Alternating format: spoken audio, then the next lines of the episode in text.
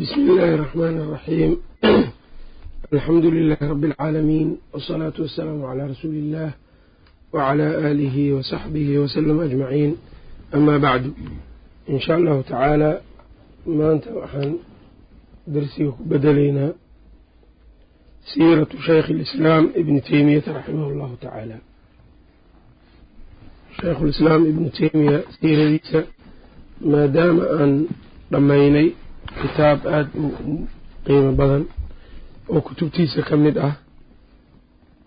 Kitaabkaasna uu yahay alcaqiidatu alwaasitiya ayaa waxaan jeclaysanay insha allahu tacaala inaan siiradiisa wax uga bedelno litakuuna lanaa cibra. Annaga inay cibro noo noqoto oo aan ka faa'iideysano maxaa yeelay taariikhda dadka wan wanaagsan waa laga faa'iideystaa waa lagu daydaa iyada laftirkeeda ayaa cilmi ah. Culammadu waxay dhihi jireen taraajumu salafi cilmun dadka salafkee diinta u soo dadaalay marka loo tarjumayo ee la baranayo taariikhdooda waa cilmi culumta ka mid ah. Dhinacyo badanna qofka muslimka uu uga faa'iideysan karo marka insha allahu tacaalaa darsigeena maanta wuxuu keliya ku koobnaa doonaa siirada shaykhulislaam ibnu teymiya haddii aan ka gaarno haddii aan dhammaystiri weynana oo qeyb ay noo dhinaato usbuuca dambe ayaan insha allahu tacaala aan u jiri doonaa. Waxa aan u soo qaadanayo waxaa ka mida kow isagoo abras ka ah oo ka muuqdo culamaa ulmuslimiin loona qiray sidaan arki doonno. Tan labaad sheekhu waxa uu koobsaday dhinacyo fara badan oo diinka ka mid ah. Waxa uu koobsaday cilmigii camalkii iyo waxa uu ku dadaalay muslimiinta uu u dadaalay alihtimaamu biamri lmuslimiin muslimiinta amarkooda uu istaagay oo nin mujaahid oo jihaadi jiray buu ahaa cilmiga faafin jiray ku dhaqankiisa lagu yaqaanay mixnado badanna soo maray imtixaan aada u fara badan dadkii muslimiinta dhexdooda iyo macnaha cadowga markuu la dagaalamayo intaba uu ku soo maray saas darteed marka waa shakhsiyad aada u qiimo badan oo weyn. Marka qofka muslimkaa khusuusan caqiidada saxiixa daraaseynayo waxaa lagama maarmaan ah inuu ogaado. Maxaa yeele dad badan oo muslimiinada gaal ayay u haystaan. In badan taariikhdiisa ma taqaano. Marka in bal la ogaado sheikhulislaam waxa uu ahaa waa laga maarmaan.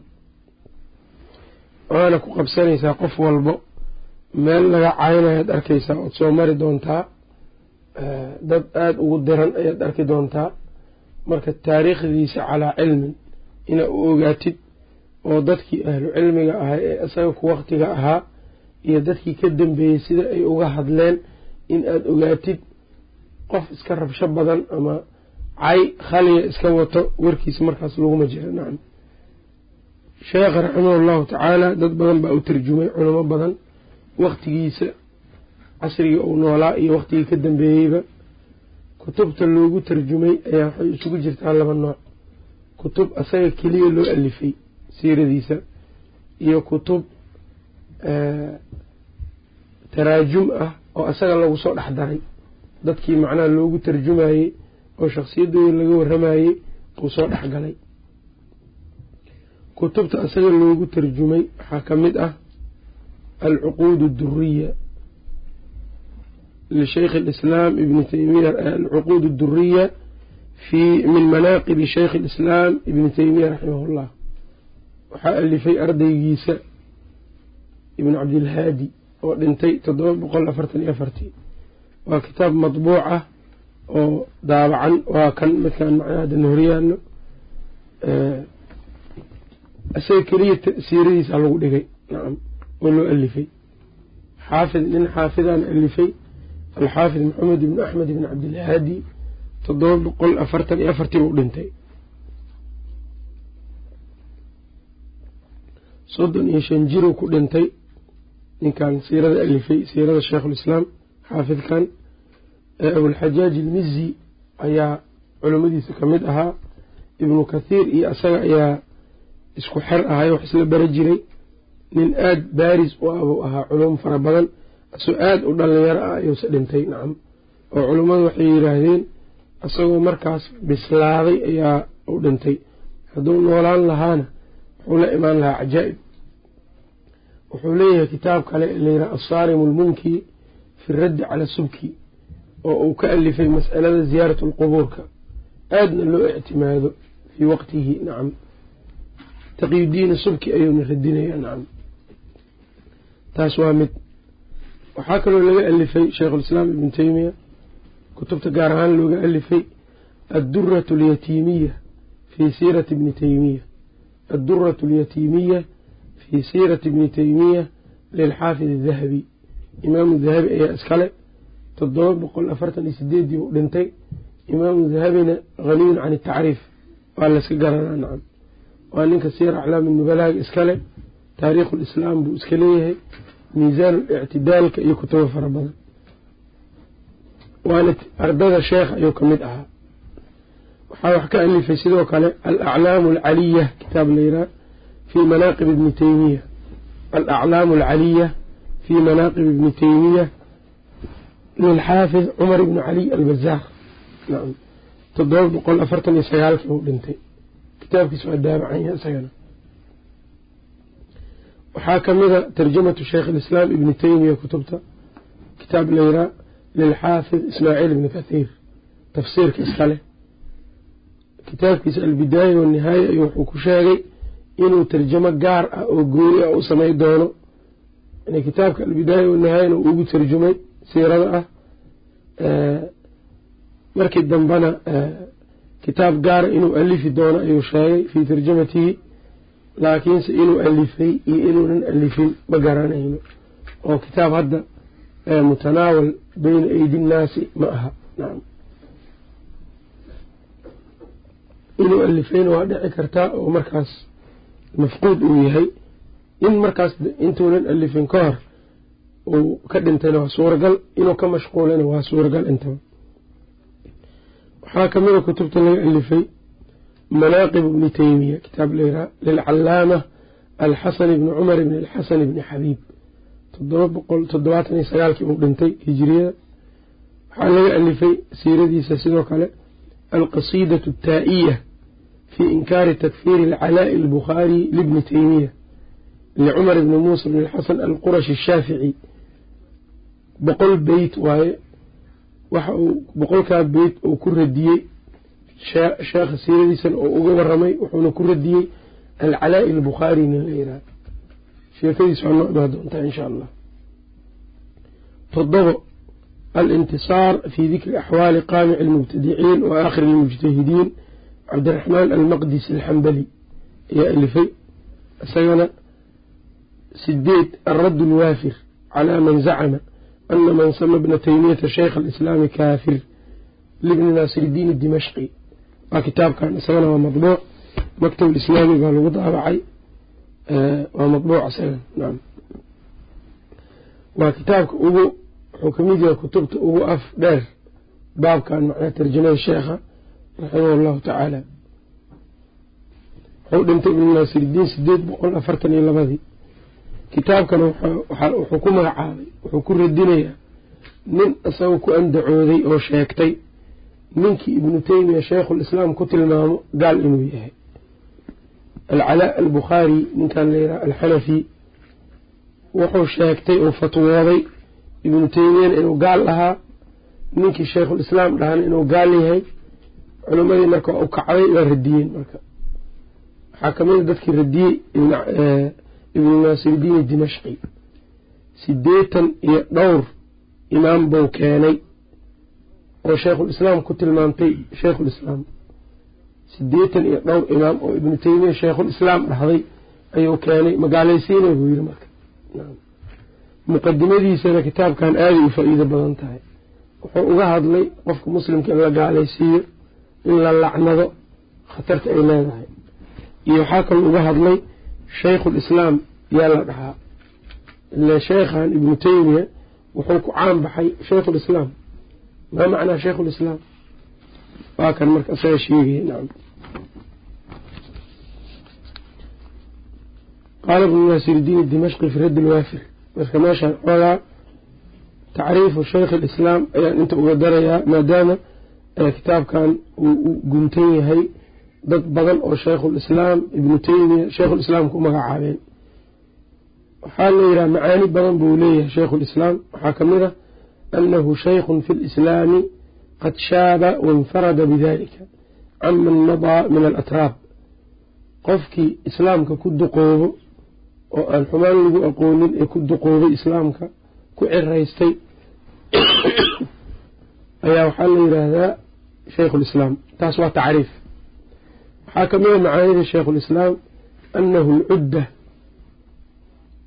waalmafzac ilayhi fii kulli shiddatin ninka dadka yacni ay cuskadaan oo haddii dhibaata ay ku timaado ay weydiiyaan oo akhbaar iyo yacni talo la weydiiyo oo dadka yacni dadkii meel joogaba nin bay ka dambeeyaan umuurahooda diiniga iyo adduunyadaba ninka marka umuuraha diinta ee culus loo loo keeno waa la dhahaa shaykhulislaam wa minhaa waxaa ka mid a shaykhulislaam waxaa la dhahaa shaykhu lislaami bisuluukihi dariiqata ahlihi qad shari shabaabi wa jahlihi fahuwa cala asunnati fii fardihi wa naflihi waxaa kaloo la dhahaa shaykhulislaam qof dariiqada islaamka daa'imay ee ka badbaaday dhallinyaronimada sharteeda iyo jahligeeda sunnada ku taagan waajibaadkiisa iyo sunnooyinkiisa ilaa uu ka yidhaahdo annaga hadda macaanidan oo dhan nama quseeyaan aad macnaha shaykhulislaam ibnu teymiya oo shaykhulislaam ku noqday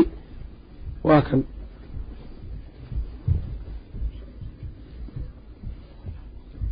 ومعناه المعروف عند الجهابذة النقاد المعلوم عند أئمة الإسناد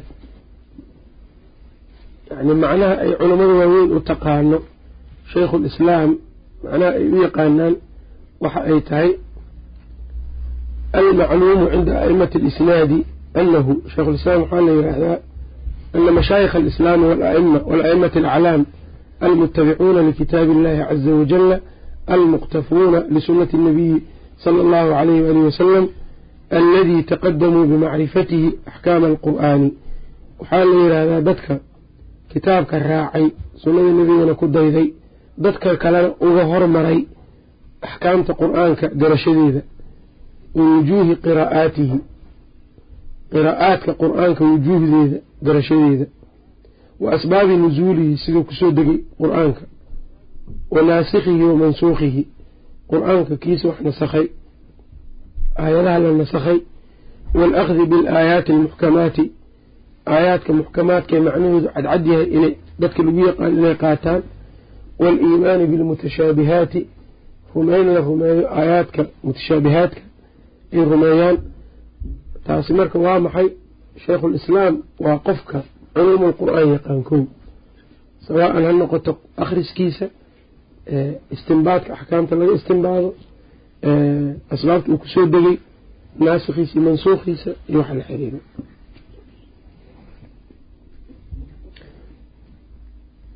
qad axkamuu min lugati alcarab luqadda carabigana way sugeen. Maa acaanahum calaa cilmi maa taqadama qur'aanka iyo sunnada si ay u fahmaan luqaddii carabiga ay ku fahmi lahaayeenna dad aada u sugay waay. Wa calimuu sunnata naqlan wa isnaadan sunnadiina garteen naqligeeda sidii loo soo guuriyo isnaadkeeda rijaasha ku jiro wa camalan iyo ku camal fal. Yacni xadiidka saxiixiisa iyo daciifkiisa kala yaqaanaan. Wa camalan iyo waana ku camal falaan sunnada. Bimaa yajibu alcamalu bihi ictimaadan wa iimaanan bimaa yalzamu min dalika ictiqaadan wa istinbaatan wixii camal fal u baahanna waa ku camal falaan wixii ictiqaad u baahanna waa ictiqaadaan oo sunnada ku saabsan. wixii istinbaad ahna way istinbaadi karaan. waistinbaadan lilusuuli waalfuruuci min alkitaabi wasunna qaa'imiina haddana waxay ku taagan yihiin bimaa farada allahu calayhim wuxuu alla ku farad yeelay mutamasikiina bimaa saaqahu allahu min dalika waxay haystaan ay ku dhegan yihiin wuxuu alla u soo kaxeeyey oo cilmi ah. Mutawaadiciina lilaahi alcadiim. Haddana allay u tawaaducayaan. Mutawaadiciina lilaahi alcadiimi asha'ni allah sha'nigiisa uu weyn yahay ayay u tawaaducaan. Khaa'ifiina min cathrati allisaan carabka kufkufkiisana way ka baqaan oo dad carabkooda ilaaliyo. Laa yaddacuuna alasmata. Annaku dembi ma galna ma dhahaan. Macsuumnimo ma sheegtaan walaa yafraxuuna bitabjiil in la weyneeyo oo la ammaanana kuma farxaan. Caalimiina waxay ogyihiin ana aladii uutuu min alcilmi qaliil cilmiga la siiyey inuu yaryahay bay ogyihiin faman kaana bihadihi almansilati qofkii mansiladan leh xukima biannahu imaamun inuu imaam yaha loo xukumayaa.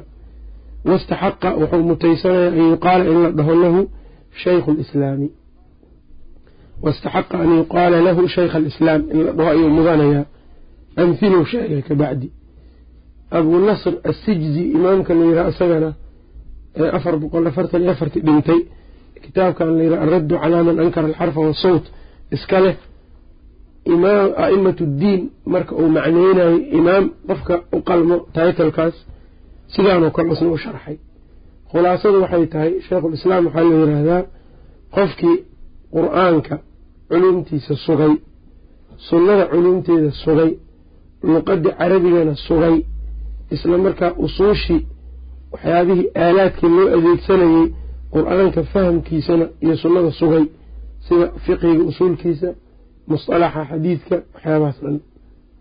Marka isla markaana intaa keliya maahane ku camal falay diintii. Oo carabkiisiina ilaaliyey xumaanta ka ilaaliyey mutawaadic ah oon dadka ku kibraynin qofuu ka cilmi badan yahay iyo inuu ma ku kibraayo qof ka cilmi badan iskuma taagayo qof isaga la siman ma yasayo ma quursanayo qof saas u tawaaducayo isla markaa cilmiga la siiyeyna inuu yaryahay og. Kaasaa sheikhulislaam la dhahaa. Idan marka cilmi iyo camal qofkaabaa sheikhulislaam la yidhaha. Nacam marka shaykhulislaam culummada u tarjumtay waa arki doonaa inuu saas yahay iyo in kale. Nacam waxaa ka mid a dadka u tarjumay sheekha kutubta loogu tarjumay alikhtiyaaraat almardiya fi akhbaari taqiyi bni taymiya lilcalaamati ibni tuuluun alxanafiy ibni tuuluun wuxuu ahaa sagaal boqol konton iyo saddexdii buu dhintay.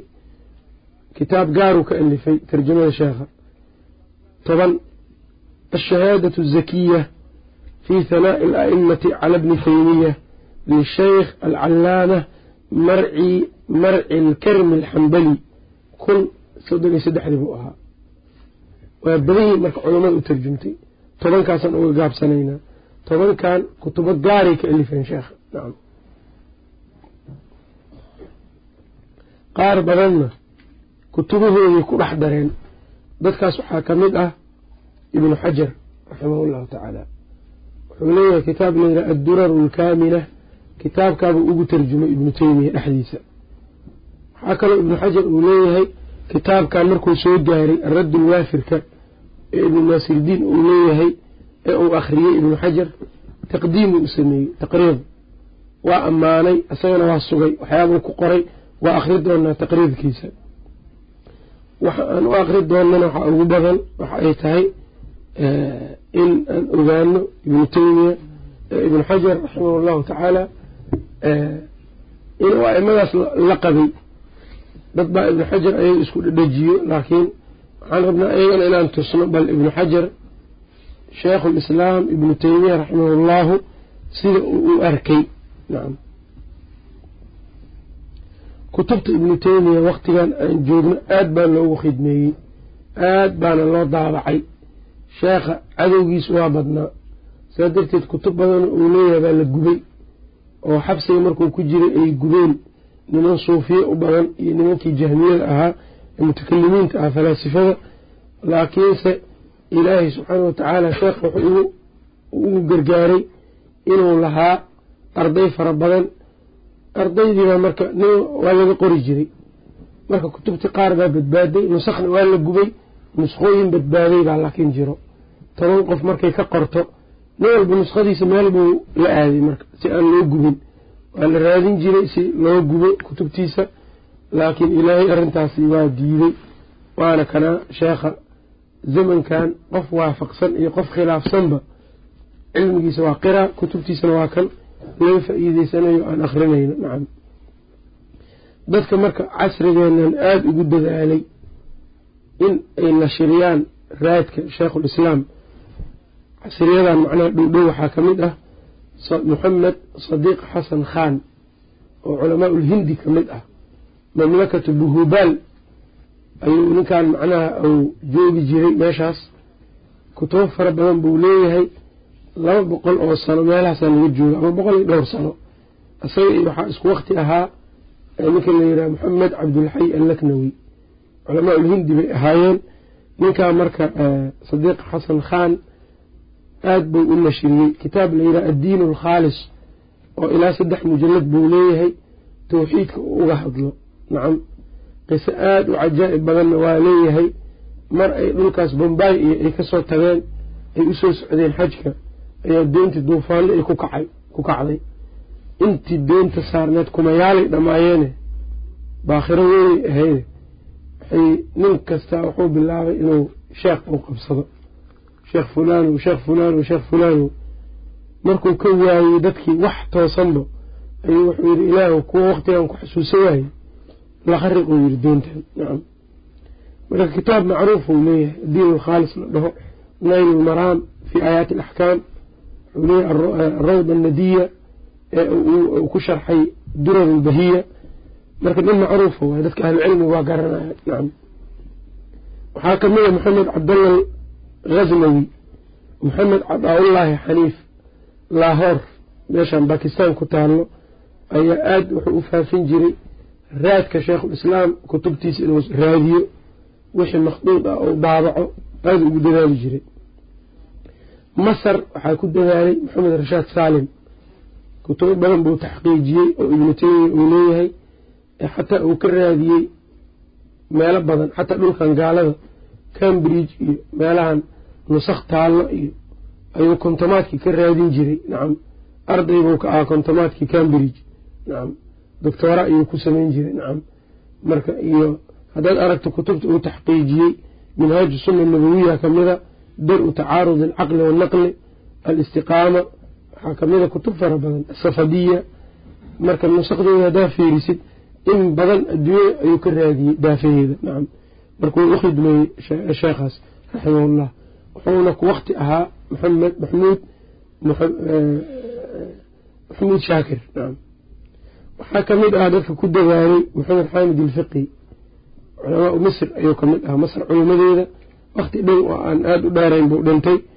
Nacam marka maxamed xaamid ilfiqi kutub badan buu isagana soo saaray uu taqdiimiyey takhriijiyey taxqiijiyey. Nacam aathaar buu ku leeyahay isagana maxamed muxidiin cabdulxamiid sidoo kale. Wadaadkan tuxfatu saniya iska leh. Atuxfatu saniya fii sharxi alujruumiya ninka iskale isagana wuu ku dadaalay nacam kutub badan aathaarta isagana wuu soo saaray. Culamaau misri weeyaan dadkan hadda aan tirinayo moxamed rashiid rida saaxibu majalat almanaar ayuu lahaa. Tafsiirna waa leeyahy tafsiirulmanaar la dhaho. Aada buu isagana u tatabucay waana ninka sheekh alalbani raximah allahu tacaala ku kalifay inuu tayaarkanba soo galo. Nacam oo majaladiisu akhrisan jiray marka wuxuu ku arki jiray culuum kala gegedisan oo xadiid takhriijin xadiid iyo ayuu arki jiray marka markaasuu bilaabayba isna inuu dhinacaas aado.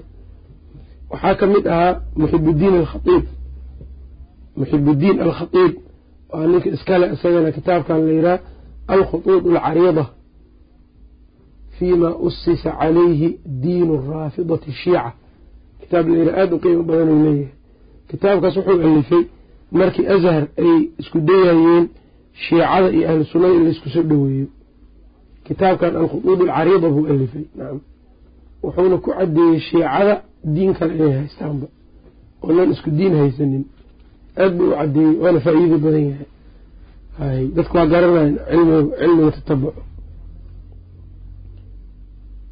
maktabad buu qaahiro uu ku lahaan jiray marka maktabadiisaas aad buu ictinaa u siin jiray. Waagii hore dadka ahlu cilmiga maktabadaha lahaa jiray. Hadda waxay iska noqotay tijaaro iyo ganacsi nacam maktabadaha waxaan u jeedaa kuwa berinterka oo madbacadaha soo saaro. Saa darteed waa yaraayeen akhdaa'da kutubta ku dhacaysay nacam hadda laakiin waa iska badatay maxaa yeelay lacag unbaa la rabaa ciraaq maxamuud shukri alaluusi aad ba u tatabucay aathaarta ibnu teymiya ruuxulmacaani kitaab layraa tafsiir buu leeyahay. Weyn waxaa ka mida maxamed bahjat alathari labadaas sheekh ciraaq bay joogeen. Shaam jamaaludiin alqaasimi saaxibu qawaacid ataxdiid tafsiirna waa leeyahay sheekh alalbani marku dhashay buu dhintay isagana. Maxamed bahjat baytaar daahir aljazaa'iri iyo sheekh alalbani.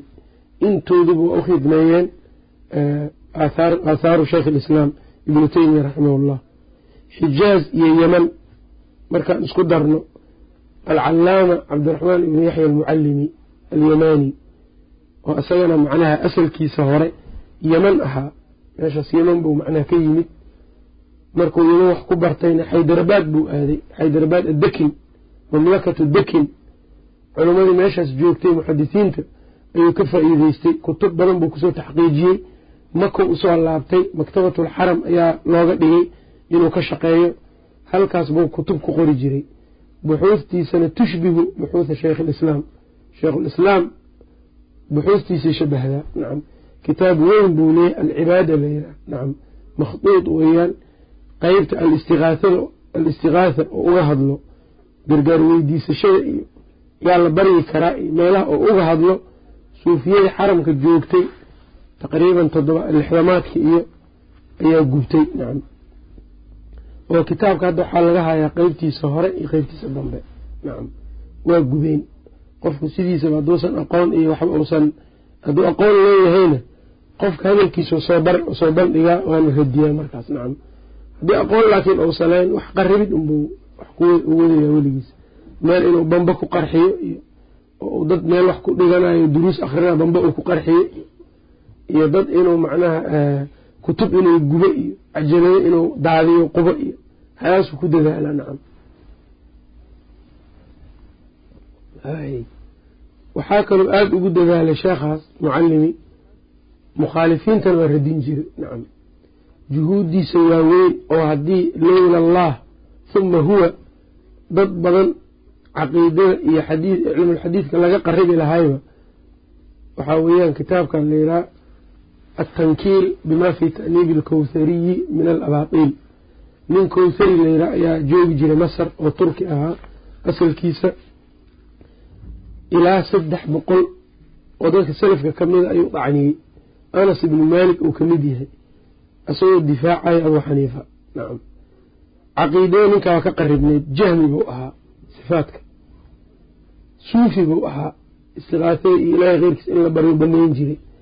Caalimna waa ahaa nacam oo aadu cilmiga u yaqaanay nacam axaadiista say weliba nacam laakiinse meel xun uu la maray.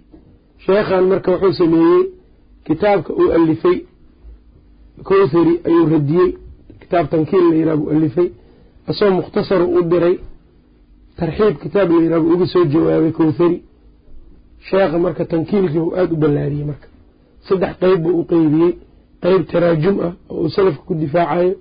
Qeyb fiqhi ah oo aimada saddexda ah uu ku difaacayo maalik shaafic axmed. Iyo qeyb caqiide ah. Qeybta caqiidada gaar baa loo daabacay. Alqaa'id ilaa saxiix alictiqaad baa la iraa nacam. Marka ninkaana wuxuu ahaa dadka aada u faafiyey aathaarta sheekha. Sidoo kale wuxuu radiyey nin misri ahaa abuu raya la yidhaahdo inuu misri inuu shaami shakiba ayaga jiro. Abuu raya nin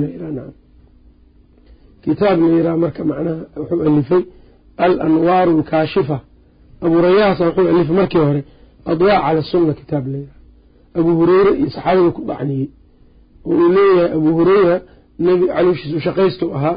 Nebigu wuxuu la joogi jiray xadiid buu soo qabsaday marka uu leeyahay abuu hureyra aniga nebigan laazimi jiray lishibaci badni haddaan dhargo nebigan iskala joogi jiray ragga kale marka waxay wax badan u warin waayeen waa iska shaqaysan jireen ayag laakiin amaa ana wax yaroon luqmad haddaan helo nebigan iska ag fadhin jiray markaas wuxuu u bedelay xadiidkii nebiga waxaan ula joogi jiray caloosheyda aan ula joogi jiray. Saa darteed marka wuxuu yihi abuu hureyra waxaan uu werinayo laguma kalsoonaan karo. Ujeedadaas marka ma taqaanaa waxaa weyaan haddii abuu hureyra meesha laga bixiyo qashin aada u fara badan iyo bidca aada u fara badan ayaa suuq u gelayso. Maxaa abu hureyra waa ninka uga axaadiis badan saxaabada. Saa darteed marka hore horta inuu meeshaas ka soo bilaabo. Lidaalika culimmada waatan dhowr jeer sheegnay shiicadu markay saxaabada dhacninayaan diinta dhan bay rabaan inay meesha ka bixiyaan. Haddii saxaabada la dhacniyo yaa diinta kuu sheegaya adiga. Diinta marka shaki qur'aanka nooyala laga shakina nacam walaa yaa ku soo adiga qur'aanka. Saxaabada soo naga soo gaarsiinin haddii marka saxaabada lagaa shaki siiyey adiga maxaa ku yaal marka? Marka qofku inuu wax fahmaa iska qayniyo ma aha nacam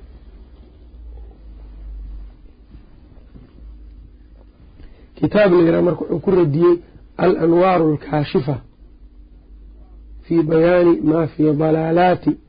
Kitaabi adwaac cala asunna liabi raya nacam aad buu isagan u qiimo badan yahay. Kutubtiisa qiimo badan ku jiraa madrasada marka kowthari waxbaa ka baaqi ah hadda ninkan kowthari la yiraa cabdilfataax abuuqudda nin la yiraa buu soo saaray ku dhintay riyaad oo asna xalabi ahaa asalkiisa shaami. Maxamed cawaama ka mid ah gumaariyiinta ka mid a axmed bin sidiiq algumaari cabdalla algumaari waa rag maqribiyiin ah raggaas oo aad xadiidka u yaqaanay ayakana nacam raggan aan ka hadlayo dhan rag axaadiista yaqaan waay nacam kowthari manhajkaas ka qaaday nin walbase raggan badankood sheekh alalbani baa u baxay nacam oo aada u radiyey ayakana kitaabaad iyo masaa'il ay isku radiyeen. Waxaa hadda ka baaqi ah intaan ogahay niman dubay isku aruursaday marka. In lagu baraarugo u baahan. Maxamuud saciid almamduux in la yihahdo maxamuud saciid mamduux. Isu muujiyaa kutubo iyo waxbuu takhriijiyaa. Waa suufi ashcari ah nacam. Aad buu marka wuxuu ugu dadaalaa culimadan inuu aada u duro dahabi ibnu xajar sheekh almucalimi albani inuu duro. Markaasna uu isku dayo ilaahay keyrkiis ayaa la baryi karaa. Kitaab layra rafcu lmanaar u alifay nacam. Fii jawaazi alistigaahati bigayri illahi nacam. Waxaas buu wax ka alifaa nacam. Laakiin wakti kasta dad baa ilaahay u soo saaraa nin kaloo misriga isagana oo camar cabdilmuncim salim layraa aada isagana u dabagalay.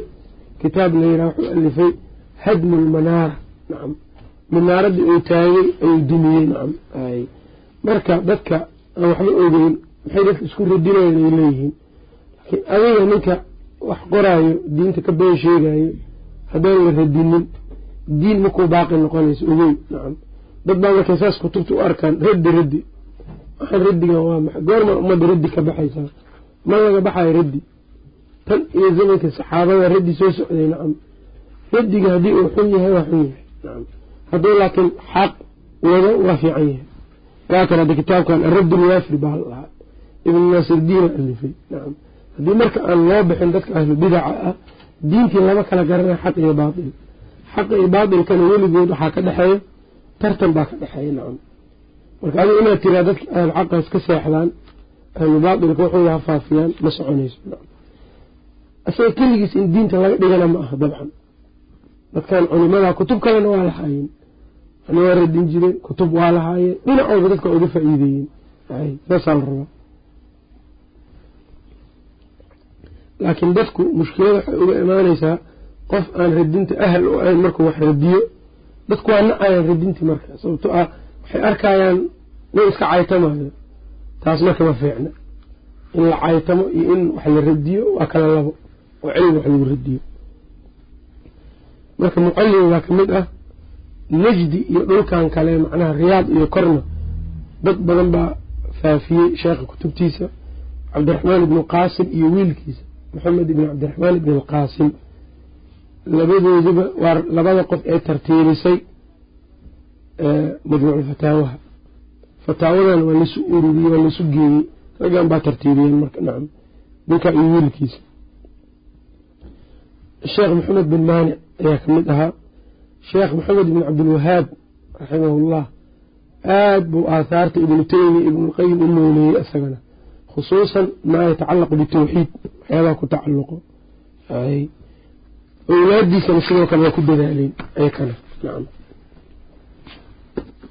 intaan marka waxaan uga baxaa raggii u tarjuma sheekha mawduuca tarjamadiisa waxaan uga hadli doonaa mawliduhu wa mansha'uhu wa usratuhu. Kow dhalashadiisa se u barbaaray usraduu ka dhashay. Labo dalabuhu lilcilmi wa mashaayikhihi. Dalabuhu lilcilmi cilmiga dalbidda ou dalba iyo mashaayikhuhu mashaayikhdiisa saddex musanafaadka sheekha kutubtiisa aad badan yihiin waan arki doonaa. Iyo dacwadii sheekha afar jihaaduhu dida acdaa illaahi.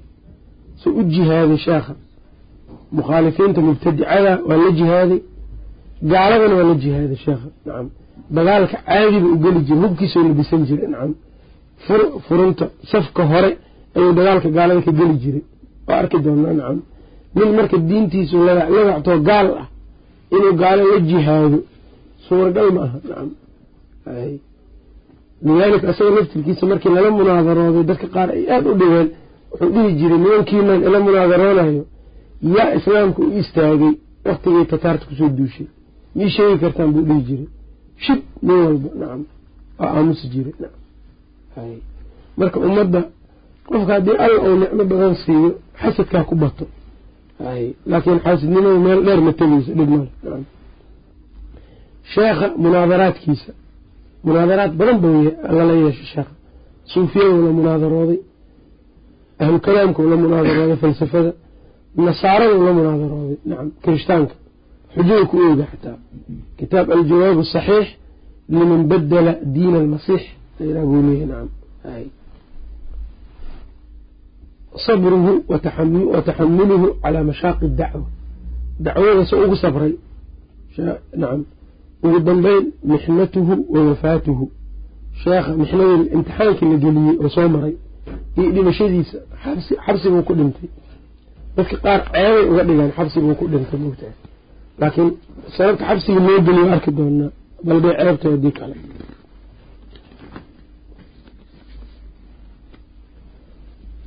Dhalashadii sheekha marka aan ka bilaabno nacam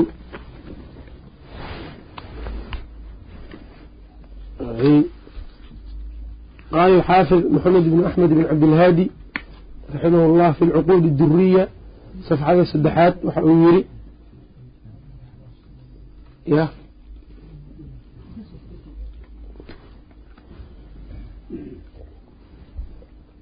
هو الشيخ الإمام الرباني إمام الأئمة ومفتي الأمة وبحر العلوم سيد الحفاظ وفارس المعاني والألفاظ فريد العصر وقريع الدهر شيخ الإسلام وعلامة الزمان بركة الأنام وترجمان القرآن علم الزهاد وأوحد العباد قانع المبتدعين وآخر المجتهدين ابن عبد الهادي باسليري تقي الدين أبو العباس ليس سبحانه تقي الدين kunyadiisa abulcabaas baa la yidhaha magaciisana axmed ibnu shaykh alimaam cabdilxaliim ibn shaykh alcalaama shaykh alislaami mujid iddiin abilbarakaat cabdisalaam.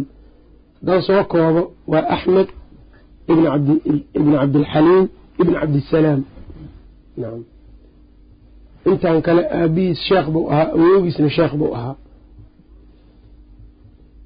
Ibn abi cabdillaahi ibn abilqaasim alkhadir ibn moxamed ibn alkhadir ibn cali ibn cabdillahi ibni teymiya alxaraani naziilu dimashqa. Nasabkiisu nisbadiisu alxaraani ayay ahayd nacam dimashq naziilu dimashqa. Uma dhalanin dimashq asalkiisa hore asoo yar baa la keenay meeshaasu marka magaaladiisii noqotay. Dhulkaas wuxuu ka yimid ciraaq korkeeda kurdiga meeshaabuu ku dhashay. Wa saaxibu atasaaniif alatii lam tusbaq ilaa midlihaa khulaasada marka waxay tahay waa kunyadiisa waa abulcabaas laqabku waa taqiyudiin magaciisa waa axmed ibnu cabdilxaliim ibn cabdisalaam ibnu teymiya ayuu mashhuur ku yahay. Sheekh cuthaymiin raximah allahu tacaala nasabkiisa markuu ka hadlayay xamawiyada sharxeeda waxa uu yiri dadku waxay yidhaahdaan waa kurdi qaarna waxay yidhahdaan waa carab. Nacam qaarna waxay yidhahdaan waa carabi qaarna waa kurdi bay dhahaan nacam waxaase loo badan yahay raajix abuu yiri inuu ahaa carabiyu lasli asalkiisa inuu carab ahaa. Nacam taabaa loo badan yahay buu yidhi. Laakiinse waxa uu yidhi sheekha wamahmaa yakun ilamru ama kurdi ha ahaado ama carabi ha ahaado nisbada unbaan iska ogaanaynaa maahane? Waa islaam waa muslim macnaha waana sheekh muslimiinta dhan ka dhexeeya kurdi keliyana sheekh uma aha carab keliyana sheekh uma aha dadkao dhan buu sheekh u yahay nacam marka nisbadiisu unbaa la rabaa inay ogaada hadda maahane ujeedada maaha macnaha carabi iyo kurdi iyo in lakala qaadqaadanayo nacam in laysaga faanayo. Dariiqadiisa ninka qabsada unbaa sheekha ku dayday nacam usrada uu ka yimid ama qoyskiisa qoys diin iyo cilmi lagu yaqaanay ahaayeen awowgiis cabdusalaam abulbarakaat baa la yidhaha. Waa ninka iskale kitaabkan muntaqa alakhbaar almuntaqa kitaabkan la yidhaha. Shawkaani oo sharxay nayl lawdaar sharxu muntaqa alakhbaar kitaabkaas aada maqashaan nayl lawdaarka shawkaani sharax waay nayl lawdaarka matniga iskale ibnu taymiya awowgiis baa iskale. Nacam aabihiis dhalay abulbarakaat xanaabiladana madhabka xambeliga mashhuur buu ayuu ka ahaa. Shaykhulislaam baa isagana la dhihi jiray. Nin aad cilmiga looga dambeeyo oo masaa-isha fiqiga loo soo celiyo ahaa. Muftina waa ahaa.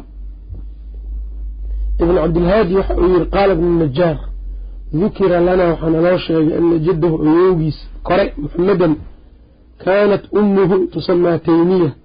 Awowgiis kore maxamed hooyadii dhashaybaa taymiya la dhihi jiray. Magacan marka ibnu taymiya waa ayeeyaashiisi kore waay nacam.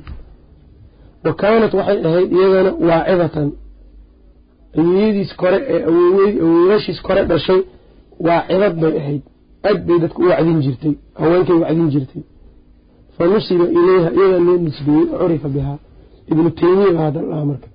Taymiya marka waa ayeey waa ayeeyadiisu ah waa wacdin jirtay awowgiis muftinu ahaa ayeeyadiis waxay ahayd waacidad bay ahayd. Aabihiisna sheekh buu ahaa isagana. Oo dadka wax ka soo qaatay buuba ka mid yahay aabihiis. Sidoo kale ibnu cabdilhaadi waxau yidhi asoo usradiisa ka hadlaayo waqadimuu dimashqa bay soo galeen fii athnaa'i sanata sabcin wa sitiina wa sitimia lix boqol lixdan iyo toddobadii ayay soo galeen dimashqa. Oo markay weliba soo galayeen waxay u soo galeen dhulka ay deganaayeen baa tataarti qabsatay. Wuu yaraa isaga aad buu u yaraa waa lala soo qaxay marka. Dhankan iyo dimashq baa la keenay. Bal aabihiis wuxuuba u baqayba in meeshaas lagu baabi'iyo. Dadka yani tataarta ay lay doonto inuu ka mid noqdo laakiinse allah ka badbaadiyey. Markii dambena tataarta isagaa sheekhan ibnu taymiyaba ka saaray dhulka muslimiinta. Waa arki doonaa nacam marka waxa uu yiri marka meeshaabaa marka ay joogeen dimashq bay marka waxay soo galeen lix boqol lixdan iyo toddobadii. Markay soo galeen baa sheekh la yihaa zaynuddiin axmed bn cabdidaa'im ayay waxay ka dhegeysteen juz-u bni carafa. Kitaab ayay ka dhegeysteen oo ijaazo ka qaateen. Marka aabihiis iyo asaga iyo kulli nacam. Meeshaas marka waxaad ka garanaya dad cilmi inay ahaayeen oo cilmiga ihtimaam siiyo usrada marka sheekha halkaas intaasaan ku gaabinaya tataarta waa mongolianiska tataarta waa dad indho yaryaray ahaayeenoo dhankaas bariga ka soo duuli jiray oo muslimiinta dhibkay u geysteen aan la sheeginba isagoo kale. Culimadu waxay yidhahdeen taasoo kale horena uma dhicin mana u malaynayni inay dhici doontay. Dheheen maalin gudaheeda malaayiin laayeen muslimiin ah baqdaad cagtay mariyeen waa gubeen kutubta taalena nacam dad aada u tiro badanay ahayn tirana badan si cawaannimo aan wax u dilo. Nacam ay muslimiinta waxay gaarsiiyeen heer ay yidhaahdeen halkan fadhi. Mididii laguu gowra lahaa baan doonanaya oo iska fadhiya meesha. Maxaa yeele wuxuu is leeyahay haddaad baxdo oo lagu soo qabana kor iyo hoos. Marka iska fadhi si xun baana lagu dilaya dhow nacam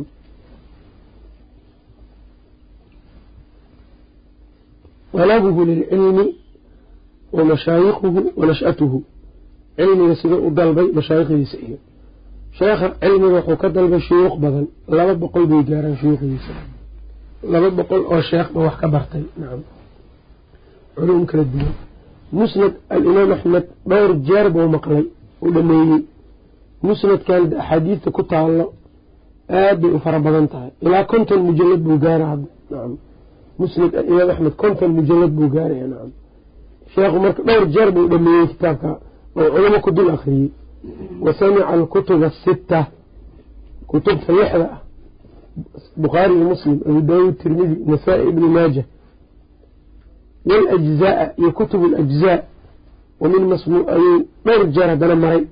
Wa masmuucaatihi waxaa ka mid a waxyaabihii uu maqlay ee uu culamo ku dul akriyey oo ka akhristay mucjamu dabaraani alkabiir nacam dabaraani mucjamkiisa waaweyn lamada haweystana kutubta dadku waxay ka badi la-yihiin hadeertaan umahaatu sitay ka badi la-yihiin nacam waa laga badi la-yahay marka isagoo musnadkii iyo kutubahaasu aaday iyo mucjamu dabaraani alkabiir iyo nacam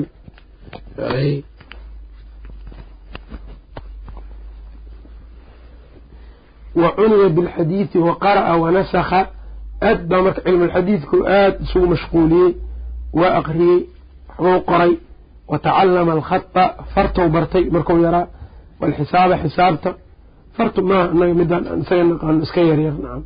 Farta waa lagu tafanuni jiray waagii hore nacam. Dugsiguu ku bartay fartii wa xafida alqur'aana qur'aankuu xifdiyey wa aqbala cala alfiqhi fiqiguu aaday markii hore fiqiga xambeliguu gaar ahaan bartay wa qara'a cala alcarabiyati cala bni cabdilqawiyi luqadda carabigana ninkaabuu ku akriyey u ka bartay.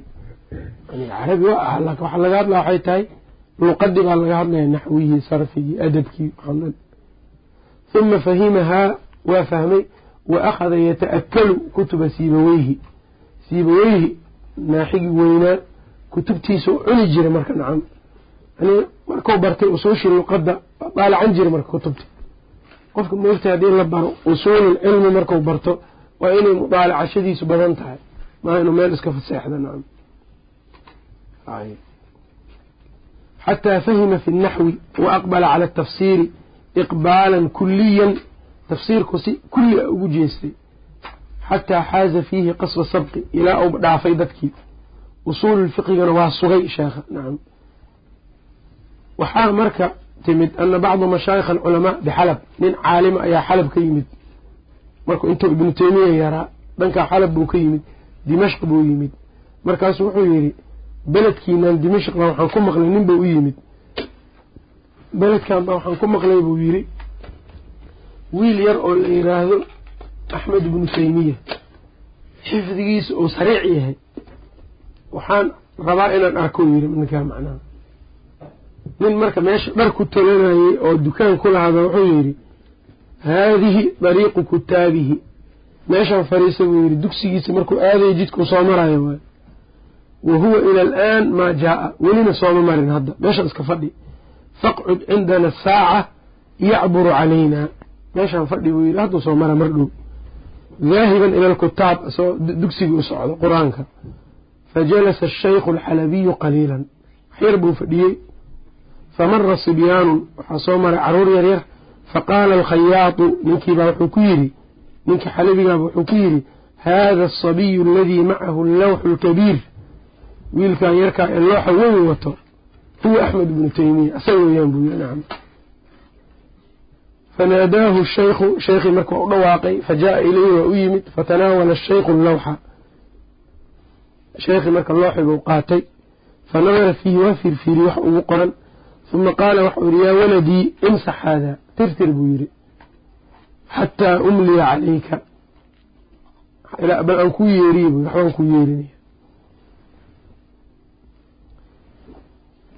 xataa umliya calayka shay-an taktubuhu oo aada qorto fafacala faamlaa calayhi wuxuu u yeeriyey min mutuuni alaxaadiidi axada cashara aw halaaثata cashara xadiidan koob iyo toban ama saddex iyo toban xadiis buu u dhigay qaala lahu waxuu yihi iqra' haada aqri buu yidhi kan falam yazid calaa an ta'ammalahu maratan saas buu indhaha u mariyey hal mar buu saa u fiiriyey bacda kitaabatihi iyaahu markii la qoray uma dafacahu ilayhi waa u dhiibay markaasuu yidhi ismachu calaya ii dhegeysuu yidhi marka fa qara'ahu calayhi cardan waa u bandhigay waana ka baxay nacam ka axsani ma anta saamic faqaala lahu yaa waladii imsax haada tirtir buu yidhi kan fafacala faamlaa calayhi ciddata asaaniid. Asaaniid buu u yeeriyey marka intaqabaha ou soo xushay. Huma qaala qra' haada kan aqri fanadara fiihi kamaa facala awala mara faqaama ashaykhu wahuwa yaquulu. Asaaniiddii buu uga baxay haddana sheekhii waa istaagay isagoo odhanayo in caasha haada asabiyu layakuunanna lahu sha'nun cadiim. Hadduu noolaado wiilkan sha'nigiisu waa weyn yahay buu yidhi waa samayn jireen dadkii hore sidaan. Oo waa ku arkaysaa muxadisiintii hore. Qofka haddii ay ka arkaan faham fiican waa la talin jireen. Nacam xaasidiin ma aysan ahayn. Fahamkaaga waa fiican yahay sidaa yeel saas wax u baro meeshaas wax ka baro. Qofkii marka waad u ka faa'iideystana khayr haddii kalena. Ay. Ibnu naasiridiin dimashqi kitaabkiisa marka tan waxay tusaysaa yaraantiisa maskaxdii ou lahaa dakaagiisa ibnu naasiridiin dimashqi kitaabkiisa radd lwaafir waxa uu yiri wuxuu keenay qowl abilmudafar assarmari fi lmajlis asaabic wasitiin fi amaalihi fi dikri waalxifdi wa min cajaa'ibi maa waqaca fi lxifdi waxa uu yiri fii zamaanina waktigeennan waxyaabaha xagga xifdiga ku saabsan cajaa'ib ka dhacay waxaa ka mida buu yidhi shaykhu lislaam abulcabaas axmed bnu cabdilxaliim ibni teymiya fa inahu kaana yamuru bilkitaabi kitaabkuu soo marayaa fa yudaalicuhu maratan hal mar buu daalacanayaa fayantaqishu fii dihnihi dihnigiisuu ku dhelayaa marka kitaabkii fayudaakaru bihi waa lala mudaakareynayaa wayanquluhu min musanafaatihi musanafaadkiisu ka soo guurinayaa bilafdihi wa macnaahu wixibuu soo guurinayaa lafdigii iyo macnihii ayuu kutubtiisa ku soo guurinayaa waa ku mudaakaroonayaa naam wa min acjabi maa samictuhu canhu waxyaabaha aan ka yaabay waxaa ka mid ah buu yidhi maa xadathanii bihi bacdu asxaabihi waxay ii sheegeen annahu lamaa kaana sabiyan fii bidaayati amrihi markuu yaraa aad u u yaraa araada waaliduhu an yukhrija biawlaadihi yowman ila albustaan calaa sabiili tanazuh markuu yaraa aabihiis ayaa wuxuu doonay inuu ibnu teymiya iyo carruurta kaleba uu wado walaalihiis beeraha uu soo warwareejiyo xoogaa uu yani ilmihii uu waxoogaa beeraha uu soo warwareejiyo. Fa qaala lahu markaasu aabihiiba wuxuu ku yidhi yaa axmed takhruju maca ikhwatika walaalaha ma la baxaysaa buu yidhi soo bax. Tastariixu aada soo raaxaysatide factalla calayhi. Waa ka cudur daartay iga dhaaf buu yidhi. Fa alaxa calayhi waaliduhu. Aabihiis baa ku celceliyey faimtanaca ashadda alimtinaac faqaala ashtahii an tucfiyanii min alkhuruuj waxaan jeclahay buu inaad iga cafisid bixitaanka iska kay cafi aan joogayo yani ma raba beerahaas iyo meelahaas nacam fatarakahu marka aabihii waa ka tegey wa kharaja biikhwatihi walaalihii kalou kaxeeyey fadalluu yowmahum fi lbustaan beertay soo joogjoogeen maalintii dhan warajacuu aakhira annahaari maalinta aakhirkeeday soo laabteen faqaala yaa axmed awxashta ikhwataka alyowm walaalaha maanta waa ku hiloobeen waa cidlaysay buu yidhi watakadara calayhim bisababi haybatika waa ka jajabtay xoogaa maqnaashada aad ka maqneed waa ka jajabtay famaa haada faqaala waxau yidhi yaa sayidii inanii alyowma xafidtu hada alkitaab intaad maqnaydeen kitaabkan baan xifdiyey buu yidhi aniga likitaabin macahu faqaala xafidtahu kalmunkiri almutacajib sidii asagoo yaaban oo inkirayo kale faqaala lahu istacridhu calaya isoo bandhig buu yidhi ka bax dhalkeen kitaabka faidaa bihi qad xafidahu jamiicahu kitaabkii o dhan buu xifdiyey faakhadahu waqabalahu bayna caynayhi labadiisi ila dhexdeedu ka dhunkaday wa qaala waxau yidhi yaa bunay laa tukhbir axada bima qad facalta wixii aada samaysa cidna hau sheegin buu yidhi khawfan calayhi min alcayn il isagoo uga baqay raximah llahu tacaala kama qaal nacam marka ibnu naasiridiin baa wuxuu ku soo guuriyey kitaabkiisa radd lwaafir hadalkan uu ka soo wariyey sheekha la yihaha macnaha asarmari nacam sheekh wuxuu ahaa sidoo kale madaarista iyo maxaafisha isagoo yar buu tegi jiray dad waa munaadaroon jiray wayufximu alkibaara dadka waaweyn buu ka xujo badin jiray. Waya'tiya bimaa yataxayaru minhu acyaanu lbalad fi lcilmi masaa'il waaweyn uu la imaan jiray. Fa aftaa walahu tiscu casharata sana sagaal iyo toban jir buu ku fatwooday. Bal aqal asoo ka yar de zamankiisana zaman culamo badan joogtay buu ahaa. Qofka muftigaa waa qof weyn weeyaan nacam maa zamankan oo kale ma aha nacam wa sharaca fi ljumaci fi ljamci waata'liif labaatan jir buu kutub alifid ku bilaabay. Min dalika alwaqti wa akaba cala alishtigaali. Wuxuu ku mashquulay inuu yani wuxuu daa'im ku noqday inuu wax qoro. Wa maata waaliduhu wa kaana min kibaari alxanaabila wa a'imatihim. Waalidkiis waa dhintay isagoo aada u weyn aimada waaweyn oo xanaabilada ka mid a fadarasa bacdahu aabihiis isaga duruus buu lahaa xanaabilada sheekh buu ahaa markuu aabihiis dhintay isagoo yar fadarasa bacdahu wadaa'ifahu. Shaqooyinkiisa isagaa la wareegi. Nacam. Dhaxalka marka ilmaha ay aabayaashad ka dhaxlaan kuwaana ugu waaweyn. Nacam. Maal iyo keliya wax qiima ma samaynayaan fadarasa bacdahu wadaa'ifahu buu dhigay walahu ixdaa wacishruuna sana. Kow iyo labaatan jir isagoo ah. Waishtahara amruhu wa bacuda siituhu fi lcaalam caalamkuu ku faafay marka akhbaartiisa akhada fi tafsiiri alkitaabi alcaziizi fi ljumaci jimco kastaa qur'aanku fasiri jiray calaa kursiyin asoo kursi fadhiya min xifdihi maa inuu kitaab soo qaada jiray nacam aayadda markau fasira fulaan qaala kadaka yani tafsiirkii salafkiibuu sanad ku werinayay nacam culumta tafsiirkana culumta ugu dhibka badan waay waxaan u jeedaa tafsiirka laqbada kama hadlaya nacam waxaan ka hadla waxay tahay tafsiirkaani bil asaaniid in lagu weriyo ma sahlan nacam oo laga weriyo salafkii iyo mujaahid iyo mathalan iyo cataa iyo cikrima iyo wixii ka saxiixa wixii ka daciif ah. Ma sahlan nacam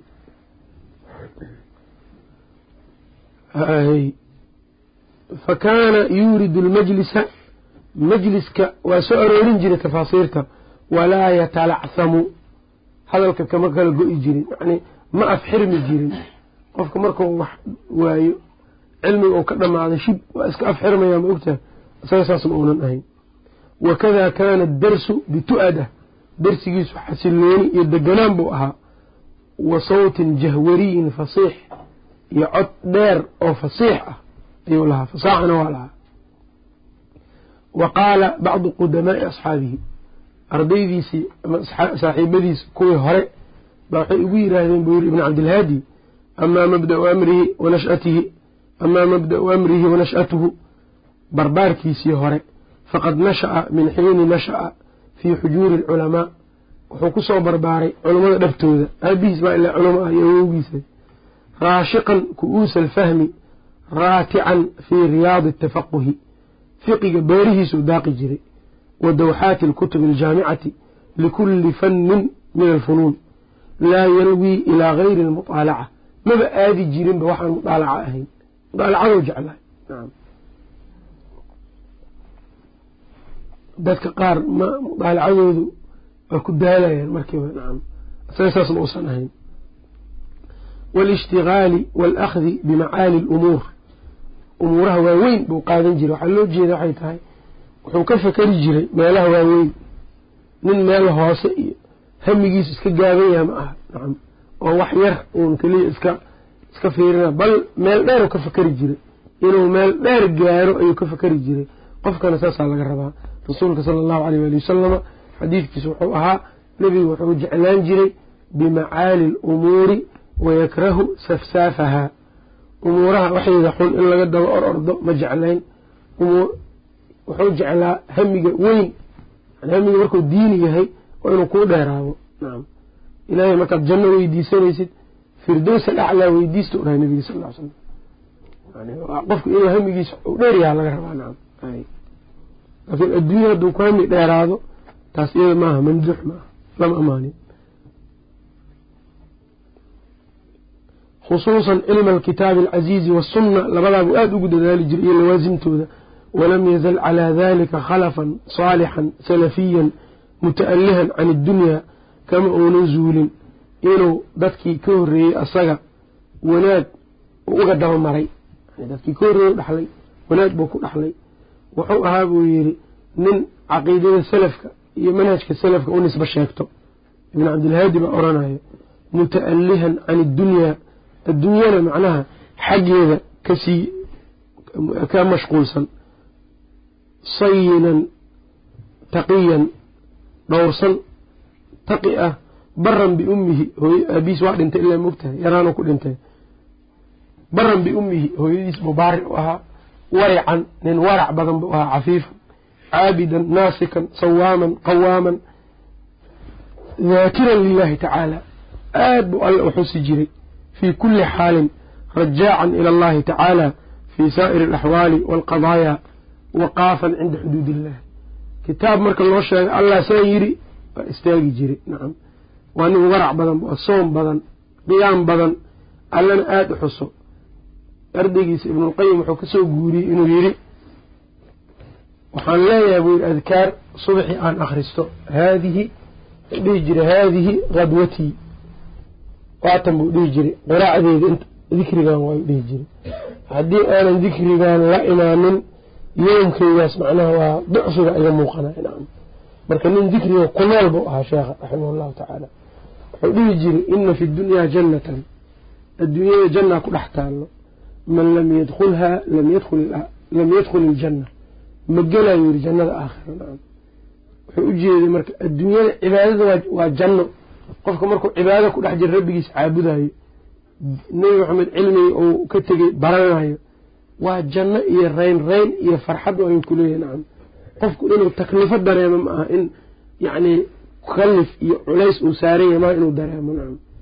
Marka ninka aan jannadan ku gelin adduunyada oon alla cibaadadiisa aan dhadhansanin midda aakhire ma gelaya nacam. Waxyaabaha marka aada looga soo guuriyey ka mid tahay nacam maqaalaadkiisa maraan ugu tegi doonaa hadallo gaagaabano wuxuu leeyahay aada durar u ah nacam jawaahir ah nacam. Aan sheegi doonaa insha allahu tacaala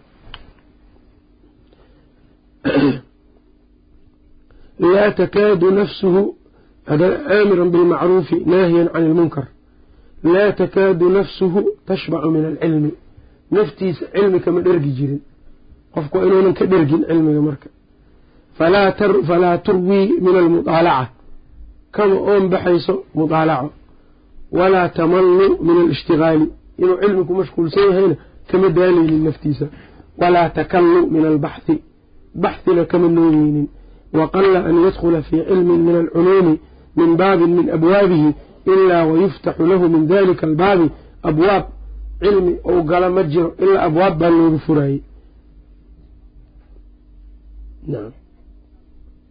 maqsuuduhu bilkitaabi wasunna ujeedadiisu kitaabkay sunnaday ahayd walaqad samictuhu fii mabaadi'i amrihi markii arrintiisu ay soo baxaysay ee ay yacni dhalin yaraa ee uu soo barbaarayay waxaan maqlay buu yiri isagoo oranayo inahu layaqifu khaatirii fi lmas'alati aw ashayi aw alxaala.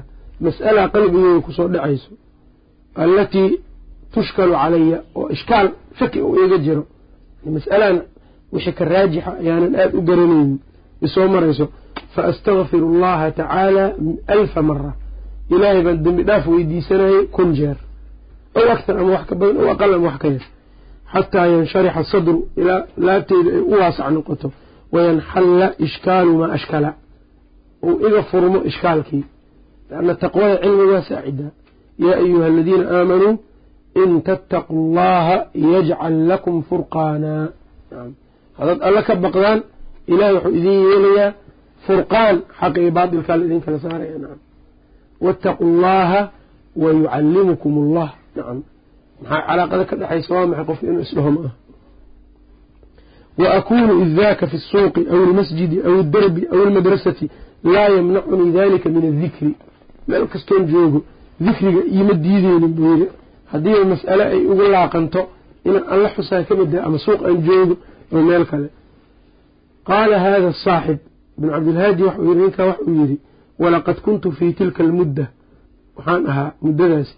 Wa awala nasha awalu nasha ida ijtamactu bihi marka aan la kulmo fii khatmatin aw majlisi dikrin majlis cilmi meel wax lagu dhameeyey qur'aanka tafsiirkiisa ama akhriskiisa lagu dhameeyey haddii aan kula kulmo mashaayikhna ay joogaan iyo asaga watadaakaruu ay mudaakaroodaan watakallama ibnu taymiya ou hadlo maca xadaahati sinihi asoo da-yar ajidu likalaamihi sawlatan cala alquluub waxaan arkaya kalaamkiisu qalbigu ta'hiir buu ku lahaa wa ta'hiiran fi nufuus wa heybatan hadalkiisu heybad buu lahaa nacam dadku aad bay u dhegeysanayeen asagoo aada u dhalinyar maxaa yidhi hadalku marka uu qalbiga ka soo baxo ikhlaas biikhlaasin wa cilmin qalbiga kale waa saameyn karaa maxaa yidhi ilaahay baa quluubtaan haaya moogtaa nacam wa heybatan maqbuulatan buu lahaa nacam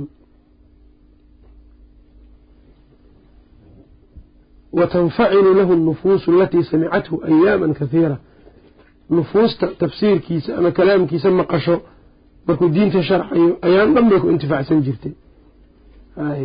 Wa xaaluhu daahirun fii maqaalihi.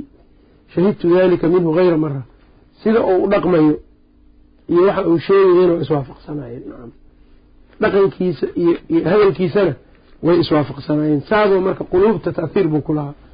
Markaasu ibnu cabdilhaadi waxa uu yidhi huma lam yabrax shaykhunaa raximahu allahu kama zuulin sheekheena inuu fi isdiyaadin min alculuum inuu cilmi zaa'idsanayo wamulaasamati alishtigaali wa bathi alcilmi wa nashrihi inuu cilmi faafinayo walijtihaadi fii sabiili alkhayr xata intahat ilayhi alimaamatu fi alcilmi waalcamal wazuhdi ilaa ay u dhammaato cilmi iyo camal iyo zuhdi intaba. Waalwaraci waashajaacati waalkaram waaltawaaduci waalxilmi waalinaaba waaljalaalati waalmahaabati waalamri bilmacruuf wannahyi cani ilmunkar intaasoo dhan buu lahaa sheekh raximah tacaala wa kaana raximahu allahu sayfan masluulan cala almukhaalifiin sheekhu wuxuu ahaa dadka diinta khilaafsan seef gasha ka baxsan buu u ahaa wa shajan fii xuluuqi ahli ilahwaa'i qodax dadka ahlul ahwaaga dhuunta u gashay buu ahaa. Almubtadiciina wa imaaman qaa'iman bibayaani alxaqi wa nusrati addiin. Diinta inuu u gargaaro gacan iyo afba xaqana uu bayaaniyo ayuu u taagnaa wa kaana baxran laa tukadiruhu dilaa sheekhu wuxuu ahaa buu yidhi bad ama macnaha badweyn ama ceel wadaamuhu aysan wasaqaynaynin nacam wax wasaqaynaya malahay nin isku kalsoon buu ahaa nacam wa kaana baxran laa tukadiruhu dilaau ayuu ahaa yaqtadii bihi alakhyaar alalibaa nacam wakhayiran buu ahaa nin khayr badan yaqtadii bihi alakhyaaru alalibaa dadka caqliga badan akhyaartan way ku dayan jireen. Dannat bidikri alamsaar. Magaalooyinku way ku macaansadeen xuskiisa iyo sheegiddiisa wa dannat bimithlihi alacsaar cusuurta iyo sanooyinkuna isagoo kale way ku bakayleen yani gadaashiisa isagoo kale ma imaanin buu u jeedaa waktigii wuu ku bakaylay nacam saan buu u ammaanay marka ibn cabdilhaadi raximah allahu tacaala sheekhu marka wuxuu sheegay musanafaadka sheekha. Shuyuukhu sheekh nacam inay gaarayaan laba boqol oo sheekh. Musanafaadkiisaan gelaynaa oo ah baabka ugu muhiimsan. Waxa aan siirada sheekha aan u akrinayna waxaa ka mid a awalan in qaabka uu ahaa iyo siduu diinta ugu halgamay annaga inaan baranno horta oo lagama maarmaan weeyaan dadka muslimiinta ee baarisiinta qofka inuu yaqaan. Hadduusan aqoonin dadkiisa waa ummaddii marka waa la soo gelayaa nacam taas waa mid midda labaad waxa ay tahay kutubta uu alifay wixii aan ka baranno qofku waa raadsanaya haddii la yidhaha kitaabkaas buu leeyay kitaabkaas waxaas buu ku saabsan yahay kaas waxaan buu ku saabsan yahay. Wuu raadinayaa marka. Waa cilmi weeyaan nacam marka maaha inaan annaga iska faakihaysanayne waxaan ujeedna waxay tahay cilmi in lagu barto. Kutubtan aan sheegi doonno waa culum qofkii marka kitaab walba mawduuciisuba ogaanayaa wixii uu ku fiican yahay waa qabsanaya akhrisanaya marka musanafaadkiisa waxaa aada u sheegay ibnu cabdilhaadi raximah allahu tacaala tafsiirka wuxuu ka alifay awalan. Oo min dalika musanafaadka waxaa ka mida tafsiirka waxa uu ka jamciyey tafsiir buu leeyahay. Sheekhu ma qorin tafsiirkaas. Waa laga qoray markuu akrin jiray. Mana aha tafsiir suurat alfaatixa ka soo bilowdo. Suuratu naas ku dhammaado. Ma ahan sidaas. Maxaa yeeley isagaa wuxuu yidhi tafsiirku wuxuu u qeybsamaa aayaad macaanidooda layska garan karo aniga taas waa ka tegey buu yidhi ma aayaad macaanidooda ishkaal uu ku jiro oo la isku khilaafay oo u baahan in dadkii aada loo wax loogaga sheego taas baan isku mashquuliyey buu yidhi. Nacam saa darteed marka tafsiirka uu qoray ilaa soddon mujallad ayuu gaarayy wuxuu tafsiir ka qor dhan marka la jamciyo. Ee kutubihiisa ku kala jiro. Laakiinse ardaydiisu inta ay qoreen ee uu isagu idmay isagana uu sheegay waxay tahay yacni intaan sheegay hadda. Nacam waxa uu yidhi rubamaa daalactu cala alaayati alwaaxidati naxwa mi-ati tafsiir. Waxaa laga yaabaa hal aayad inaan daalacdo tafsiirkeeda boqol tafsiir inaan u daalacdo nacam huma as'alu allaha alfahma. Boqol tafsiir aayad hal aayad dul saaran inaan dul istaagaa laga yaabaa buu yidhi. Alla marka aan su'aasho fahmi inuu meesha saxiixa ah oo alla iga fahamsiiyo. Wa aquulu waxaan dhihi jiray yaa mucallima aadama wa ibraahiima callimnii. Ilaah aadam barayow ibraahiim wax baray ibar wa kuntu adhabu ila almasaajidi almahjuurati masaajidda laga hijroodo dadku aynan waqtiga aynan joogin ayaan tegi jiray wa amraqu wajhii fi turaabi yani waa galgalan jiray tawaaducan lilahi tacaala uu leeyahay wa as'alu allaha tacaalaa waxaan alla weydiisan jiray inuu ilaahay macnaha ifahamsiiyo wa aquulu yaa mucallima ibraahim fahimnii. Meeshaan marka galgalashada laakiin culamada qaar ka mida ma aynan ku waafaqin. Waxaa ka mid a culamadaas asheekh ibnu cuthaymiin raximahullah.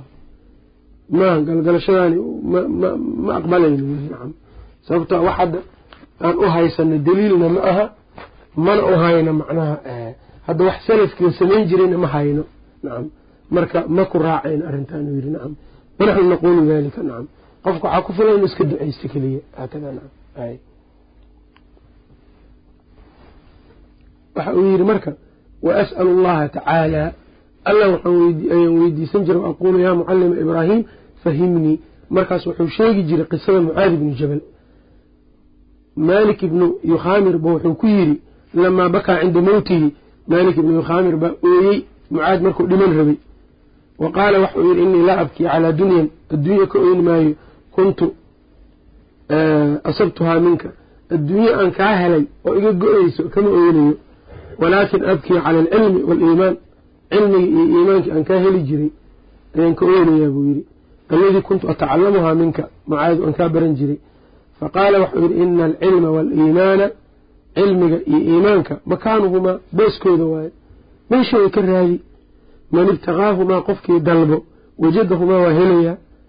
Fadlub ilcilma waxaad cilmiga ka barataa cinda arbacatin afar. Wasamaahum waa magacaabay.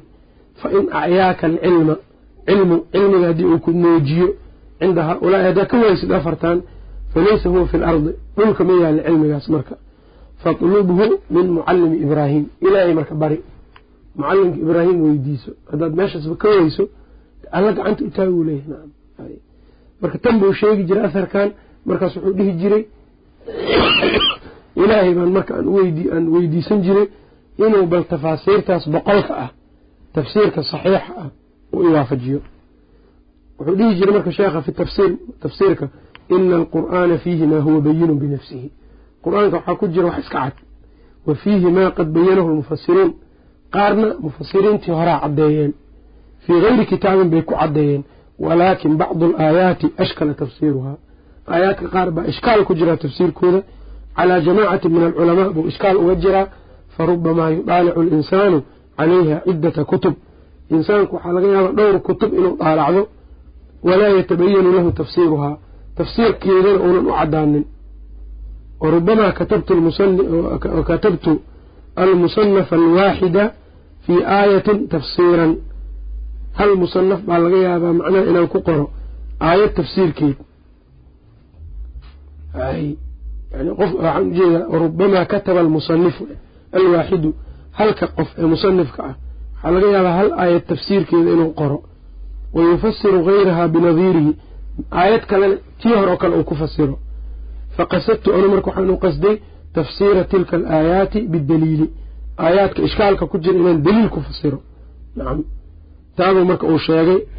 Marka waxaana alla ii furay buu yiri usuululcilmi uu iiga furay ashyaa badan oo culamo badan ay dhimatay ayagoo tamaninayo tafaasiir badan oo culimo badan aysan dul istaagin ayaan aniga dul istaagay buu yidhi. Sawaan kutub ha ku dul istaago ama culimo ama nacam markaas wuxuu leeyahay marka wanadimtu. Hadalkan wuxuu odhanayaa markuu dhiman rabo. Maxaa yeele markuu dhiman rabay siddeetan maalmood ka hor intuusan dhimanin ayaa waxaa laga qaaday qalmaantii waraaqihii wax dhan waa laga qaaday. Waxba marka inuuna waxba qorinaa loogu talagalay wuxuu bilaabay marka inuu qur'aanka soo bilaabo dhameeyo soo bilaabo dhameeyo soo bilaabo dhameeyo. Nacam siddeetan iyo dhowr jeer buu qur'aanka dhameeyey markaas. Nacam marka markii khatmadii ugu dambeysay suuratu alqamar ayuu ku dhintay. Nacam ina almuttaqiina fii jannaatin wanahar fii maqcadi sidqin cinda maliikin muqtadir ayuu ku dhintay. Nacam suurat raxmaan isagoon bilaabay sheekh raximah llahu tacaala marka markuu meeshaas maraayo tafsiirka marka wuxuu ku akrin jiray marka ta'ani iyo tadabbur. Markaasuu marka uu istusi jiray macaani fara badan. Qur'aanka ka mida markaasuu yidhi markaas buu leeyahay marka wanadimtu calaa tadyiici akhari awqaatii fii gayri macaani alqur'aan.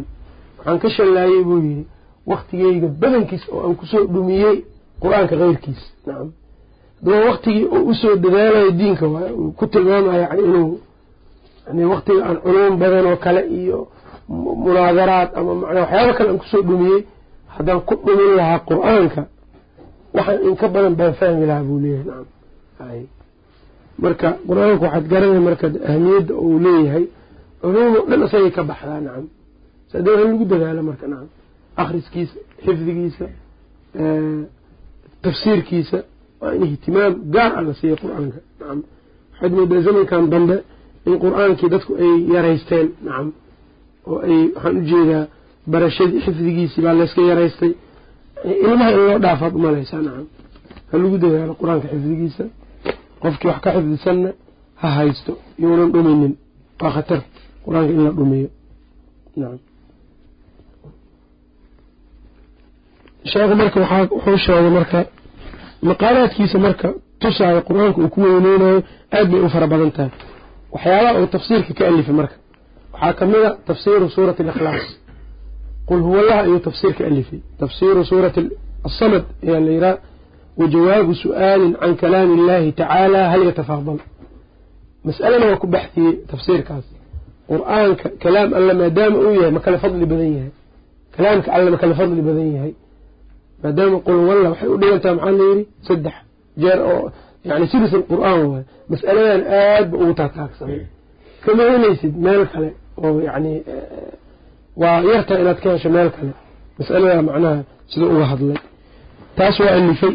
Wa min musanafaatihi waxaa ka mid a kitaabu talbiisi aljahmiyati fi ta'siisi bidacihim alkalaamiya falsafaduu ku radiyey jahmiyada nacam waa laba mujalad oo madbuuc hadda laakiin fahamkiisa waa dhib badan yahay kitaabkaas uu radinaya waa falaasifo.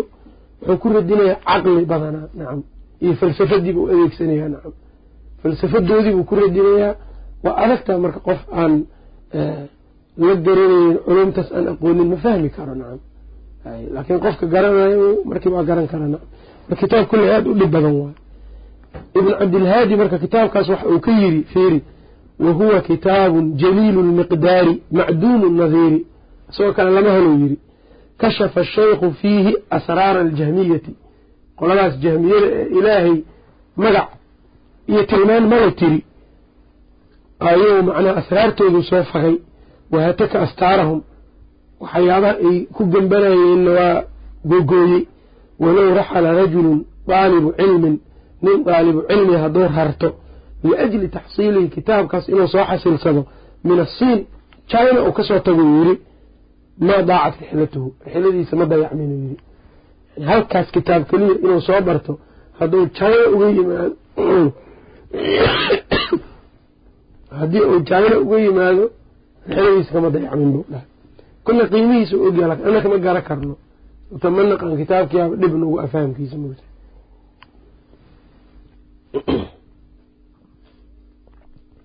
nacam ومنها حاكمية كتبتيسة منهاج السنة النبوية في نقض الشيعة القدرية وحكور الدية ابن مظهر الحلي الرافضي من شيعة عايي أصحابته خاصة أبو بكر يا عمر وكتاب ليرى منهاج الكرامة يؤلفي ليرى منهاج الكرامة في, في نيل درجة الكرامة منهاج الكرامة علي وكتاب يربو ها nin boqora u alifay khusaabanda la yidhaha ayuu kitaabkaas u alifay.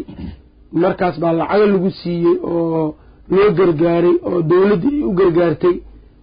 Nin cilmi lehna wou ahaa. Nacam wa minha waxaa ka mida kutubtiisa minhaaju sunna annabawiya fii naqdi ashiicati alqadariya. Wuxuu ku nin shiica ah oo caayey asxaabta khaasatan abubakar iyo cumar oo kitaab la yidhaha minhaaju lkaraama ayuu alifay. Waxaa la yidhaha minhaaju lkaraama fii nayli darajati alkaraama saas oo kale. Minhaaju lkaraama la yidhaha calay waa kitaab yar buu ahaa. Nin boqora buu u alifay khusaabanda la yidhaha ayuu kitaabkaas u alifay. Markaas baa lacago lagu siiyey oo loo gargaaray oo dowladdii u gargaartay nin cilmi lehna wou ahaa marka shiicada loo fiiriya dadka ugu cilmi badan buu ahaa. Kutubtan ahlu sunnadana waa dhaalacan jiray. Nacam waa yaqaanay kitaabkan buu marka alifay. Ibnu taymiya loo keenay kitaabka. Kitaabkan baa nin saxaabada uu ku caynayaa marka ninka shubahana waa keenayaa ogow qur'aanka aayado uu dabagooyey iyo axaadiid si kale macnaheediio si kale u waxeeyey iyo waxbuu keenay.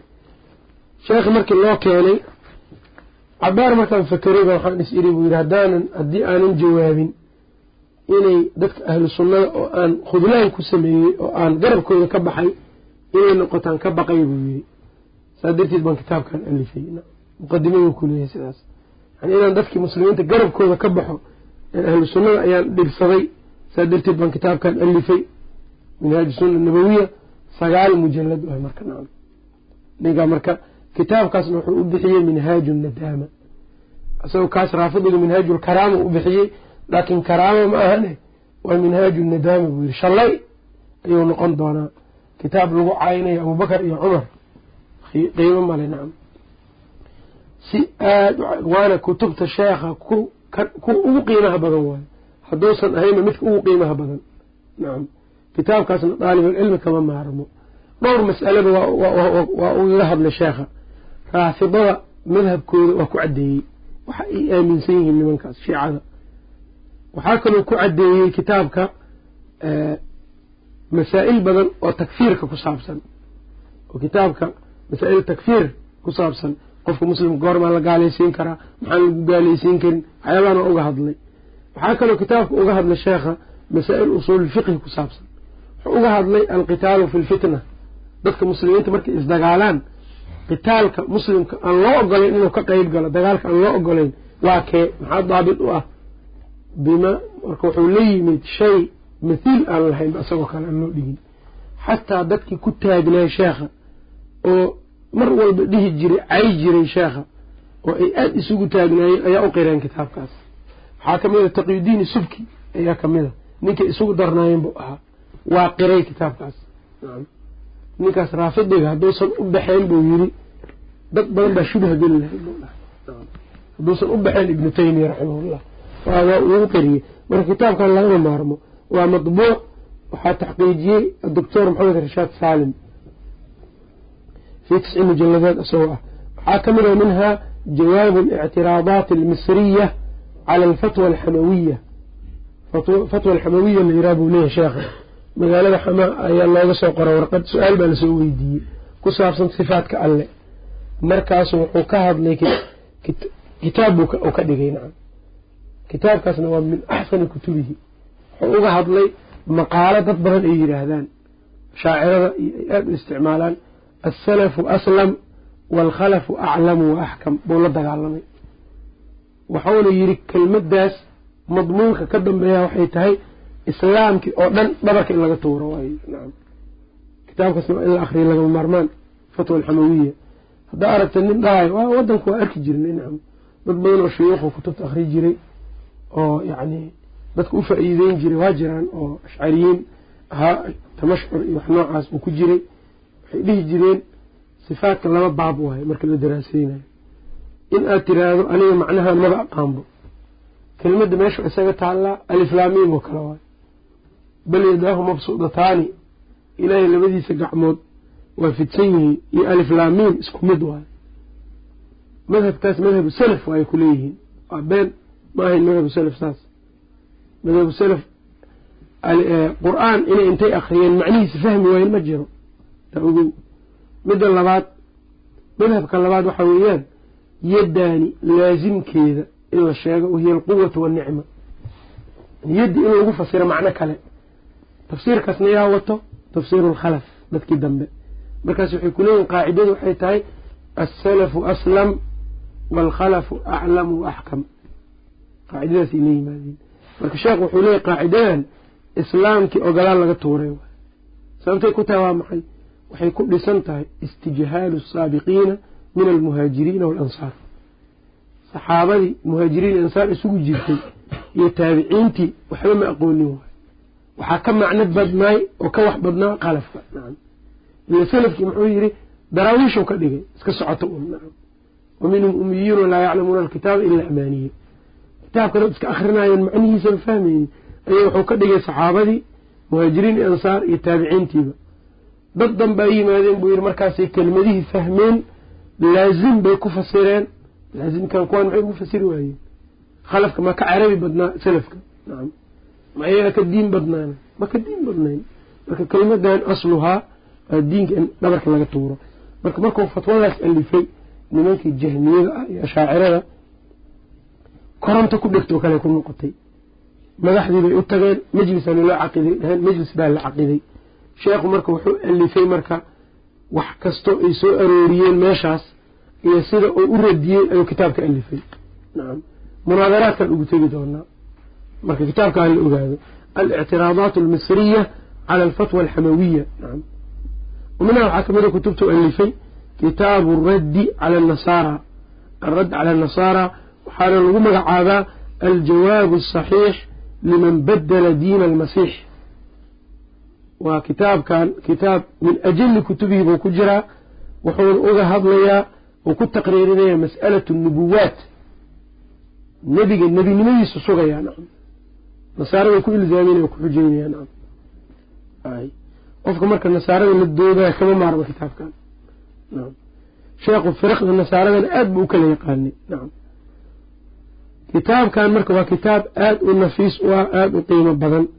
Nafaasadiisa iyo qiimo badnaanshahiisa waxaana tusaayo ibnu naasir iddiin kitaabka aradd alwaafir waxa uu yidhi safxada boqol afartan ilaa boqol afartan iyo kow xadathana alimaamu abu xafs cumar ibni muusa ashaafici bithakari balnaas meeshaas anagoo joogno balnaas furuntigeeda anagoo joogno wuxuu noo sheegay sheekhaas min saaxili baxri shaam qaala kuntu xaadiran cinda asheykh shihaabidiin almalkaawi sheekhaas shihaabidiin ayaan la joognay fa ataa ilayhi waxaa u yimid shihaabudiin axmed alxalabi ayaa u yimid assaakini bidaari alxadiidi alashrafiya bidimashqa ninkaa oo meeshaas deganay sheekha la yidhaha shihaabudiin almalkaawi anagoo la joognaa nin kale u yimid sheekh kale. Markaasu waxa uu yidhi dakara bacdu annaasi alyawma shay-an. Shihaabudiin almalkaawi bu wuxuu ku yidhi maanta dadkii baa wax noo sheegay. Shaqa calaya idhibay shaqa calaya arrintaa waa idhibtay buu yidhi aan maqlay maanta. Faqaala sheekh shihaabudiin almalkaawi faqaala waxa uu yidhi haa ashaykhu shihaabudiin almalkaawi baaca nuskhata sharxi saxiixi muslim lilnawowi waishtaraa kitaaba araddi cala annasaaraa waxaan maanta maqalnay oo aada noo dhibtay in adiga kitaabkii sharxa saxiixi muslim ee imaamu nawowi ou lahaa inaad iska gaday ood ku soo bedelatay kitaabkan aljawaabu saxiix liman bedela diin almasiix taabaan maqalnay arrintaa marka waa igu cuslaatay ee arrintaas ka waran markaasu wuxuu yidhi sheekhi marka ina cindii min sharxi muslim nuskhatayni sharxu muslim laba nuskan ka haystaa buu yidhi laba koobi. Bictu ixdaahumaa mid baan gaday washtaraytu kitaaba araddi kitaabkan aljawaab saxiix baan ku soo gatay lacagtiisii walow lam yakun cindii min sharxi muslim nuskha sharxa muslim. Haddii nuskho keliya ay ii ooli lahayd xataa lam yakun bicaybin ceeb ma ahan buu yidhi inaan iyada ku soo bedesho aljawaab saxiix. Limaada? Liana maa fii sharxi muslim acrifuhu. Waxa sharxu muslim ku sugan waa aqaan buu yiri aniga. Waa garanaa buu dhahay. Wamaa fii kitaabi raddi cala anasaaraa ana muxtaajun ilayhi. Kitaabkaas kalena ka u baahanahay aniga. Nacam marka midkaan hadda waa aqaanaa saa darteed inaan kan aanan aqoonin aan gato waay nacam si aan u barto. Aayad maahan. Marka min nafaasati hada alkitaab waxaa ka mid a in lagu bedeshay kitaabkan sharx saxiixu muslim macnaheedu maaha xadiidka in wax kale. Kitaabkan laftirkiisa axaadiis baa ku taal iyo aayaad qur'aan ah ayaa ka buuxda weliba nacam marka maaha in xadiidka lagu bedelanaya war iyo hay markaasuu weliba sii waday sheekha feeri hadalkuu yidhi walow darow maa yaquulu. Dadka wuxuu yidhi ibnu taymiya waa ku diran yihiin haddayse ogaan lahaayeen buu yidhi hadalkiisa ninkan oy cilmi ulahaa lahaayeen larajacuu larajacuu ilaa ilaa ilaa walaa'i ilaa maxabatihi nacam sax larajacuu ilaa maxabatihi wa walaa'ihi. Dadka way ku diran yihiin buu yiri laakiin hadday ogaa lahaayeen qiimihiisa iyo ninkan dadaalkiisa way jeclaan lahaayeen. Wa qaala markaasuu sii yiri qaacidadeeda arrintan feeri kullu saaxibi bidcatin nin kastoo bidco u saaxiiba waman yantasiru lahu iyo ninka bidco u gargaaro low daharuu xataa hadday caan noqdaan laabudda min khumuudihim wa talaashii amrihim. Hoosay u dhacayaan. Nin kastoo ahlu bidac ah bidca u gargaaro hoos buu u dhacayaa xataa hadduu soo caan baxo muddo hadduu soo caan baxo hoos buu u dhacayaa kowthari nin ka caansanaa ma jiro waktigiisa haddii yaqaan maanta inteenna inta taqaan waa yar tahay? Yani si fiican u taqaan kowthari marka wuxuu yidhi nin kastoo ahlulbidaca kor hadduu maro waa soo dhacayaa nacam. Ninka kale marka wa hada ashaykhu taqyudiin ibnu taymiya kulamaa taqadamat ayaamuhu. Mar kastoo maalmihiisu ay hore u sii maraan la soo dhaafa yacni. In alle inta la soo dhaafo asaga ay ayaamuhu sii socdaan kulamaa taqadamat ayaamuhu tadharu karaamatuhu wa yakfuru muxibuuhu karaamadiisa waa sii daahirtaa dadka jecel waa bataan iyo asxaabtiisaba hadda waxaa laga joogaa sheekh wuxuu dhintay toddoba boqol labaatan iyo sideedii hadda waxaan joogaa kun afar boqol labaatan iyo saddex waa sii ziyaadi dadka ibnu taymiya baranayo oo jecel nacam ninkaan hadduu ahlu bidac yahay mar hore iska baabi'i lahay buu leeyahay nacam abtarow noqon lahaa hadduu nebigaba nuqsaaminayo ninkan oo caynayo nebiga mar hore abtar noqon lahaa lianna allaha yaquul ina shaani'aka huwa alabtar nacam nin nebiga hoos u dhigay oo caayey oo aan abtar noqonin ma jiro nacam waa daba go'ayaa nacam nin kasta oo nebiga diintiisa iyo asaga kor u qaadana warafacnaa laka dikraka u nasiibka leeyahay nacam saasay culammadu dhaheen saa darteed marka ninkaan hadday ogaa lahaayeen buu yiri waa waa jeclaan lahaayeen qaacidadaana marka qabsow ku nacam min مصنفات الشيخ waxaa ka mid a kitaaب الإيmaan kitaabka la yihah hal mجلd weeyaan waa maطبوع kitaab isagana caظيim waa fي hadihi الmasألة masألaة الإيmaan والkfri ayuu uga hadlay laba kitaab buu leeyahy kitaabu اliimaan la yihah midna aliimaan اlkabiir midna aliimaan اlawsat iimaan اlawsat magaciisa waxaa la yihah sharxu xadiidi jibriil magac kaluu leeyahay midkan kalena kitaabu liimaan buu ku magacaaban yahay bitaxqiiqi sheekh اlalbani buu ku soo baxay nacam ta'siilaad cajiib a buu ku dhigay. Weliba kitaabkan kitaab loo dhiga ma leh. Weliba ibnu cabdilhaadi waxa uu yidhi kitaabun cadiimun lam yusbaq ilaa midlihi culimmadii hore culumtoodii iyo kiisiba isku daray. Wa min musanafaatihi waxaa ka mid a kitaabun yusamaa alistiqaama. Kitaab la alistiqaama oo laba juz ah. Waa min ajali lkutubi wa nafcan. Kitaabkanna waxa uu ku radinayaa risaalo uu qoray alrisaala alqushayriya la yidhaahdo nin macnaha abulqaasim alqushayri la yidhahdo ee suufi ahaa ayaa shadaxaad iska qoray. Shadaxaad waxaa la yidhaha suufiyada.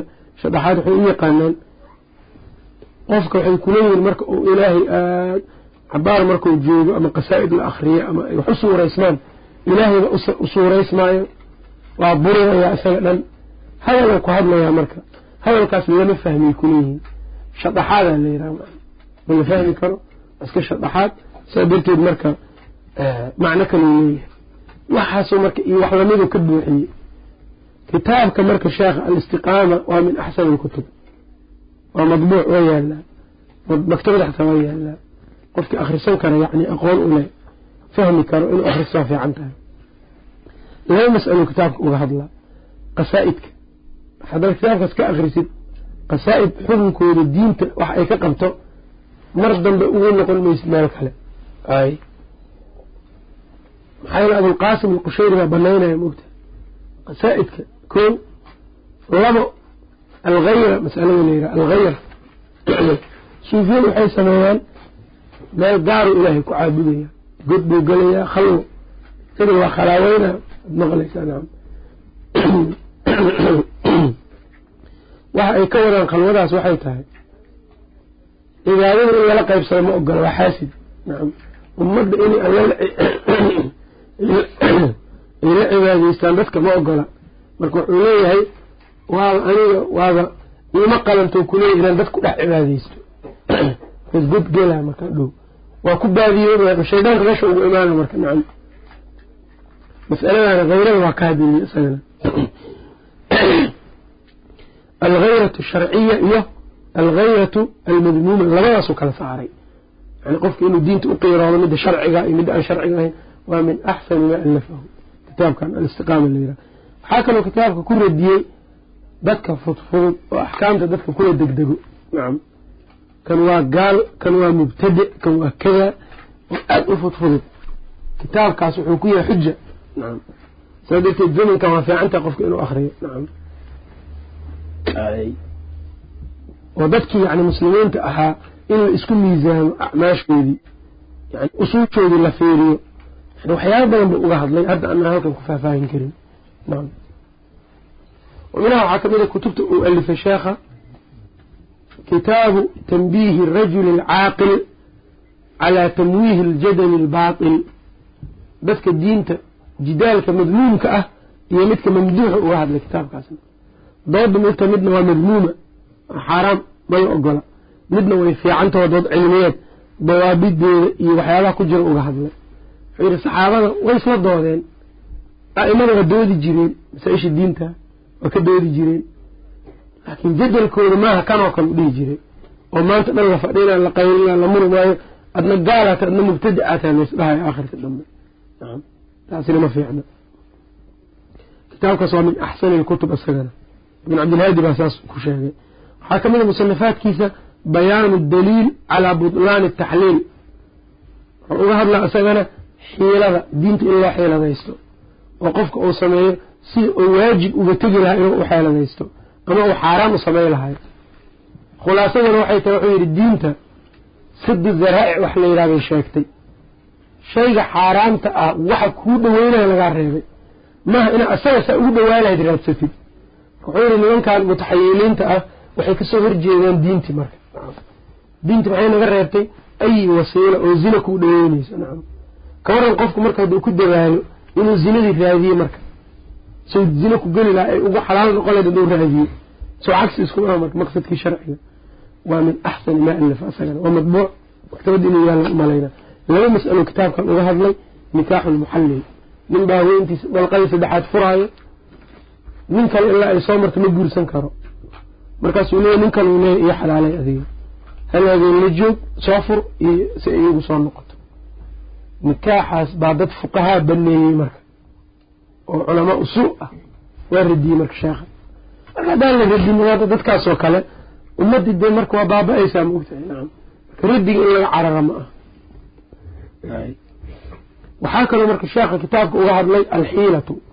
Xiilada sharciga ah ee bannaan iyo midda aan sharciga ahayn dadka daliishaday xeeladaysiga waa ku radiyey marka adiladeedoo keenay jawaab buu saaray ilaa dad baa waxay u daliishadaan mogta nabiyullaahi yuusufa sameeyey leeyihi فأسرها ماشي معناها فبدأ بأوعيتهم قبل وعاء أخيه ثم استخرجها من وعاء أخيه كذلك كدنا ليوسف ما كان ليأخذ أخاه في دين الملك إلا أن يشاء الله نعم markuu ugu duubay koombadii dahabka ayd uu u geliyey galeydii uu yiri soo qabta saariqiin dadkii qaatay xeelad way ku leeyihin nacam taas marka xiyalku waa baneeyey marka waxaas buu ka hadlayaa marka wejkeeda sharciga ah haddii marka aan kutubtaan la alifin waxaasoo kale waa gad maayaan marka nacam ogeyn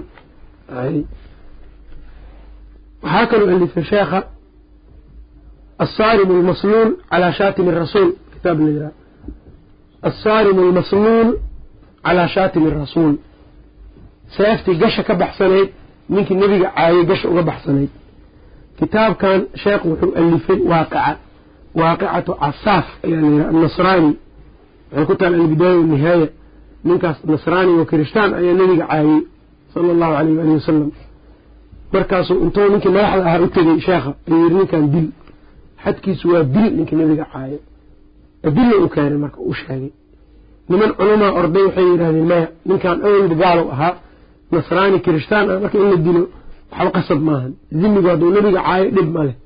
Madhabka xanafiyadaasaa qabo. Waana madhab baatil ah ninkii nebiga caayo muslim ha ahaada hadduu rabo hadduu muslim ahaana waana gaaloobayaa waana la dilayaa. Hadduu toobad keena islaamka ku soo noqdo toobada waa anfacee muslimnimadii waa ku soo noqday laakiin dilka lagama cafinayo nacam taa ogey taas waa xugun marka. Gaal hadduu nebiga caayana waa in la dilo isagana dimi ha ahaado maxaa yeelay gaalka muslimiinta heshiiska ugu soo galay dhulkooda ama muslimiinta dhex degan ee jizyada bixiyo wax ammaanka iyo heshiiska loo siiyey inuu nebiga caayo ma aha. Nebigeena inuu caayo ma aha nacam sheekhu marka aayaad badan buu soo deliishaday. Aayaadka uu soo deliishaday waxaa ka mid a faqaatiluu a'imata alkufri inahum laa aymaana lahum lacalahum yantahuun alaa tuqaatiluuna qowman nakasuu aymaanahum min bacdi cahdihim wa طacanuu fii diinikum dhacni ka weyn maa jiro alla wuxuu miyaydnan la dagaalamaynin la dagaalama dadka diintiina duray diinta marka nebi maxamed duridda ka weyn in nebigeena la caayo sala allahu aleyh wasalam maxaa marka waa maxay marka aimatu lkufrina waxayba ku noqdeen buu yihi caayada nebiga iyo diinta ay caynayaan ay lidaalika nebiga markuu maka furtay dadkii asaga cayn jiray hala dilow dhahay gaaladii caadigeed waa la iska daayey. Idhabuu fa antum dulaqaa baa layidhi nimankii kale ibnu khadal iyana maxaa layidhi dila haddaad aragtaan xataa mutacaliqun huwa mutacalliqun biastaari alkacba. Kacbada daahiyadeeda isoo ku dhegan dila haddaad aragtaan buu dhahay. Masaladaas marka sheekhu wuu ku dheeraaday. Kitaabkan aad buu u qiimo badan yahay. Wuxuu ka alifay marka wuxuu ku bilaabay mas'aladan ijmaaca kitaabka qur'aanka aayaadka ku soo arooray qofkii nebiga caayaahi inuu gaal yahay dilna uu ku waajibayo keenay uma axaadiista rasuulka uma ijmaacu alculamaa uma a'imadii aqwaashoodii buu galay. Uma wuxuu ku qatimay qofkii ilaahay caaya isagana xukunkiisa uma saxaabada qofkii caayo sheegay meeshaabuu ku gebagabeeyey. Waa min axsani ma allafahu. Weliba masaa'il aliimaani waalkufri waa loogu noqdaa kitaabkaas. Nacam casaafkii way muslimay markii dambe saasay yidhaahdeen culammada markuu muslimay madiine iyo meelahaas maka asoo ka tego madiine sii maraayo dhex lagu dilay nacam. Maxaa dilka kama haraayo mar walba. Islaamnimada waa anfacaysaa laakiin dilka ma ka haraayo nacam. Lidaalika dadka nebiga caayo khayr ma leh nacam. Ninka qabiil u difaacayo ama xisbi u difaacayana waa nin aad u xun waaya oo diintiisa aad ay u liidato waay nacam. Oo aan kala aqoonin qabiilkiisa iyo xisbigiisa iyo nebiga ma kala yaqaan qofkaas nacam. Hay. Waanan aragnay macnaa dad noocaas oo kale ah. Cay nebiga sala allahu aleyh wasalam nin caayey oo qabiil lagu difaacayaad arkaysaa. Isagoo lagu difaacayaad arkaysaa macnaha lagu difaacay xisbi baad arkaysaa. Lidaalika dadka nebiga caayaahi adduunyadana khizyi baa u dambeeyo. Qiyaamahana cadaab aliima u dambeeya nacam. Maxaa yeeley nin u soo dhigtay inuu nebiga caayo waxyaaba badan baa ka sokeeya nebiga iyo diinta inaad cayso maxaa ku geliyeen? Nacam dadka arrintaa caadada ka dhigtayna waa ku gaaloobayaan nacam ay. Marka in aada laysaga ilaaliya arrintaa iyadaa nacam marka dadkan ciqaabka wuxuu noo saaran yahay waxyaabaha kamidka waxaa ka mid a qof ilaahay caayaan lagu dhex nool qabiil baa lagu difaacaya xisbi baa lagu difaacaya. Nacam nin baa wuxuu ku difaacaya maya nebiga ma caynin buu kuleeyahay waa ninka yidhi nebiga sala allahu aleyh waali wasalam gabar sagaal jir buu guursaday anigana uma hawoodeen gabar sagaal jir ah. Yuusan nebiga cayninna maxaa la isugu nebiga ma intaas in ka yar baa dad loo dilay nacam. Masalan wax dad loo dilay nacam. Waxaa dad loo dilay nin baa wuxuu yidhi nebiga sala allahu aleyh ali wasalam kacb ibnu ashraf alyahuudi dhagar buu ku dilay. Qadar iyo dhagar buu ku dilay maxamed ibnu maslamo raggii soo dila ka mid ahaa ayaa wuxuu yidhi mucaawiye ku yidhi ninkan dil buu yidhi nacam. Nebigu dhagar ku sheegaya oo caynaya nacam. Haddii aadan dilinna aniga iyo adiga saqaf nama wada haraynayo yidhi. Waana ka tegey nacam. Haddaan ku arkana waan ku dilayaa buu yidhi nacam. Oey marka maxamed ibnu maslama markuu duqoobay ninkaas magaalo maxamed ibnu maslama soo baxay marka la yidhaahdo waddooyinka iyo marmara waa isqarin jiray nacam aad buu u raadin jiray inuu dilayna marka culimmada ilaa waxay gaarsiiyeen qofkii yidhaahdo nebiga ari raac buu ahaa asagoo nuqsaan ula qasdayo diinku waa ka baxayaa nacam. Hadduu ula qasdayo calaa siiradii iyo isagoo ka sheekaynayan oon nuqsaan ka wadinna ma dhib male nacam. Nebiga qaadi ciyaad waxuu gaarsiiyey geluuska nebiga wasaq waayo haddaad ula qasdaysid isagaa wasaq ah waa khalaas waa kuu dhamaatay nacam culimadu meeshaasay gaarsiiyeen nacam. Waxaa lagu leeyahay deertaan maya ninkaan nebiga ma caynin baa lagu leeyahay nacam. Dooq nebiga iga dooq fiicnaay aniguna gabar sagaal jir uma hayoodeen de nebigiina sagaal jir buu guursaday. Marka maxay macnaheedu marka ay tahay.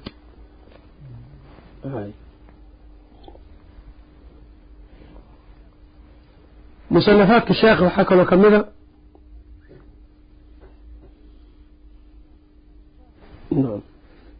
kitaabka marka waa la ikhtisaariyey waxaa ikhtisaariyey alcalaamatu albacli ama albaclabaki oo xanaabilada ka mid ahaa culama alxanaabila. Musanafaadka sheekh waxaa ka mid a iqtidaau siraati almustaqiim fi mukhaalafati asxaabi aljaxiim waa min axsani maa alafahu kitaabkan wuxuu ka alifay gaalada in lagu daydaa tashabuhu lkufaar xaaraam inay tahay. Qasadka sharciga u yimidna ay taas tahayba gaalada inaan lagu dayanin weliba muqadimada kitaabkaas waxa uu yidhi uu ku yidhi sheekh uu ku sheegay ma u malaynaynin buu yidhi mas'aladan dadku inay tacriif iyo uga baahanayaanba. Masale iska caadiyan masale qof walba u garan karo nin iimaan lahaba uu fahmi kara ma haystay buu yidhi. Laakiin waxaan dad igu eedaynaa buu yidhi arrintaas haddana. Markaan ka qoray wax dad baa waxay leeyihiin arrintan arrin saas u sii weyn ma ah waa diwaanixii nebi maxamed noo soo diray gaalada in lagu dhayda xaaraam inay tahay sheekhu marka jihaad buu ku jiray ogoy kitaab oynan qorin oo dad aynan ka hor imaanin ma leh. Nacam markii ugu dambayso kitaabkii dhameeyeyna uu gebagabeeyeyna waxa uu yidhi sheekha intaan aan kitaabkan ku qoray waa wixii aan xasuustay buu yidhi hadda. Oo maskaxdeyda ku jiray baan qoray. Mawduucaanna intaan in ka badan buu u baahan yahay buu yidhi. Mujalladaad baa lagu qori karaa buu yidhi sababtoo ah ujeedadii nabi maxamed sala allahu alayh ali wasalam loo soo diray weeyaan mawduucan isagaaba nacam in gaalada la khilaafo.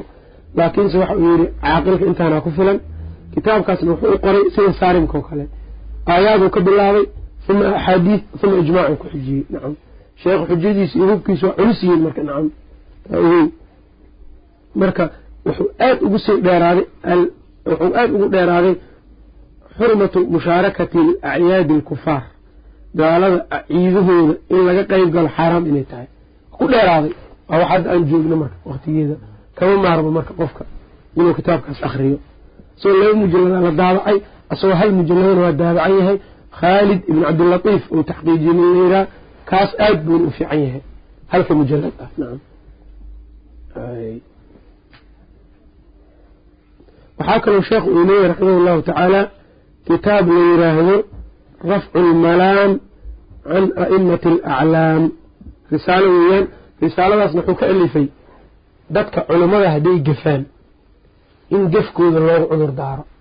Haddii ixtimaal uu leeyahay wuxuuna sheegay yani dadka salafka ama a'imada waaweyn aayad ay u jeedaan bay khilaafeen.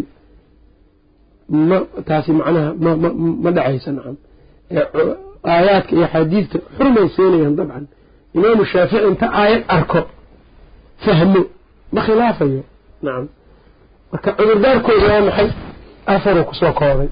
Kow wuxuu yidhi waxaa suuragala caalimkaani inayna soo gaarinba xadiidkuusa soo gaarin laba waxaa suuragala inuu u maleeyo inay soo gaartay laakiin mansuuq uu u arko.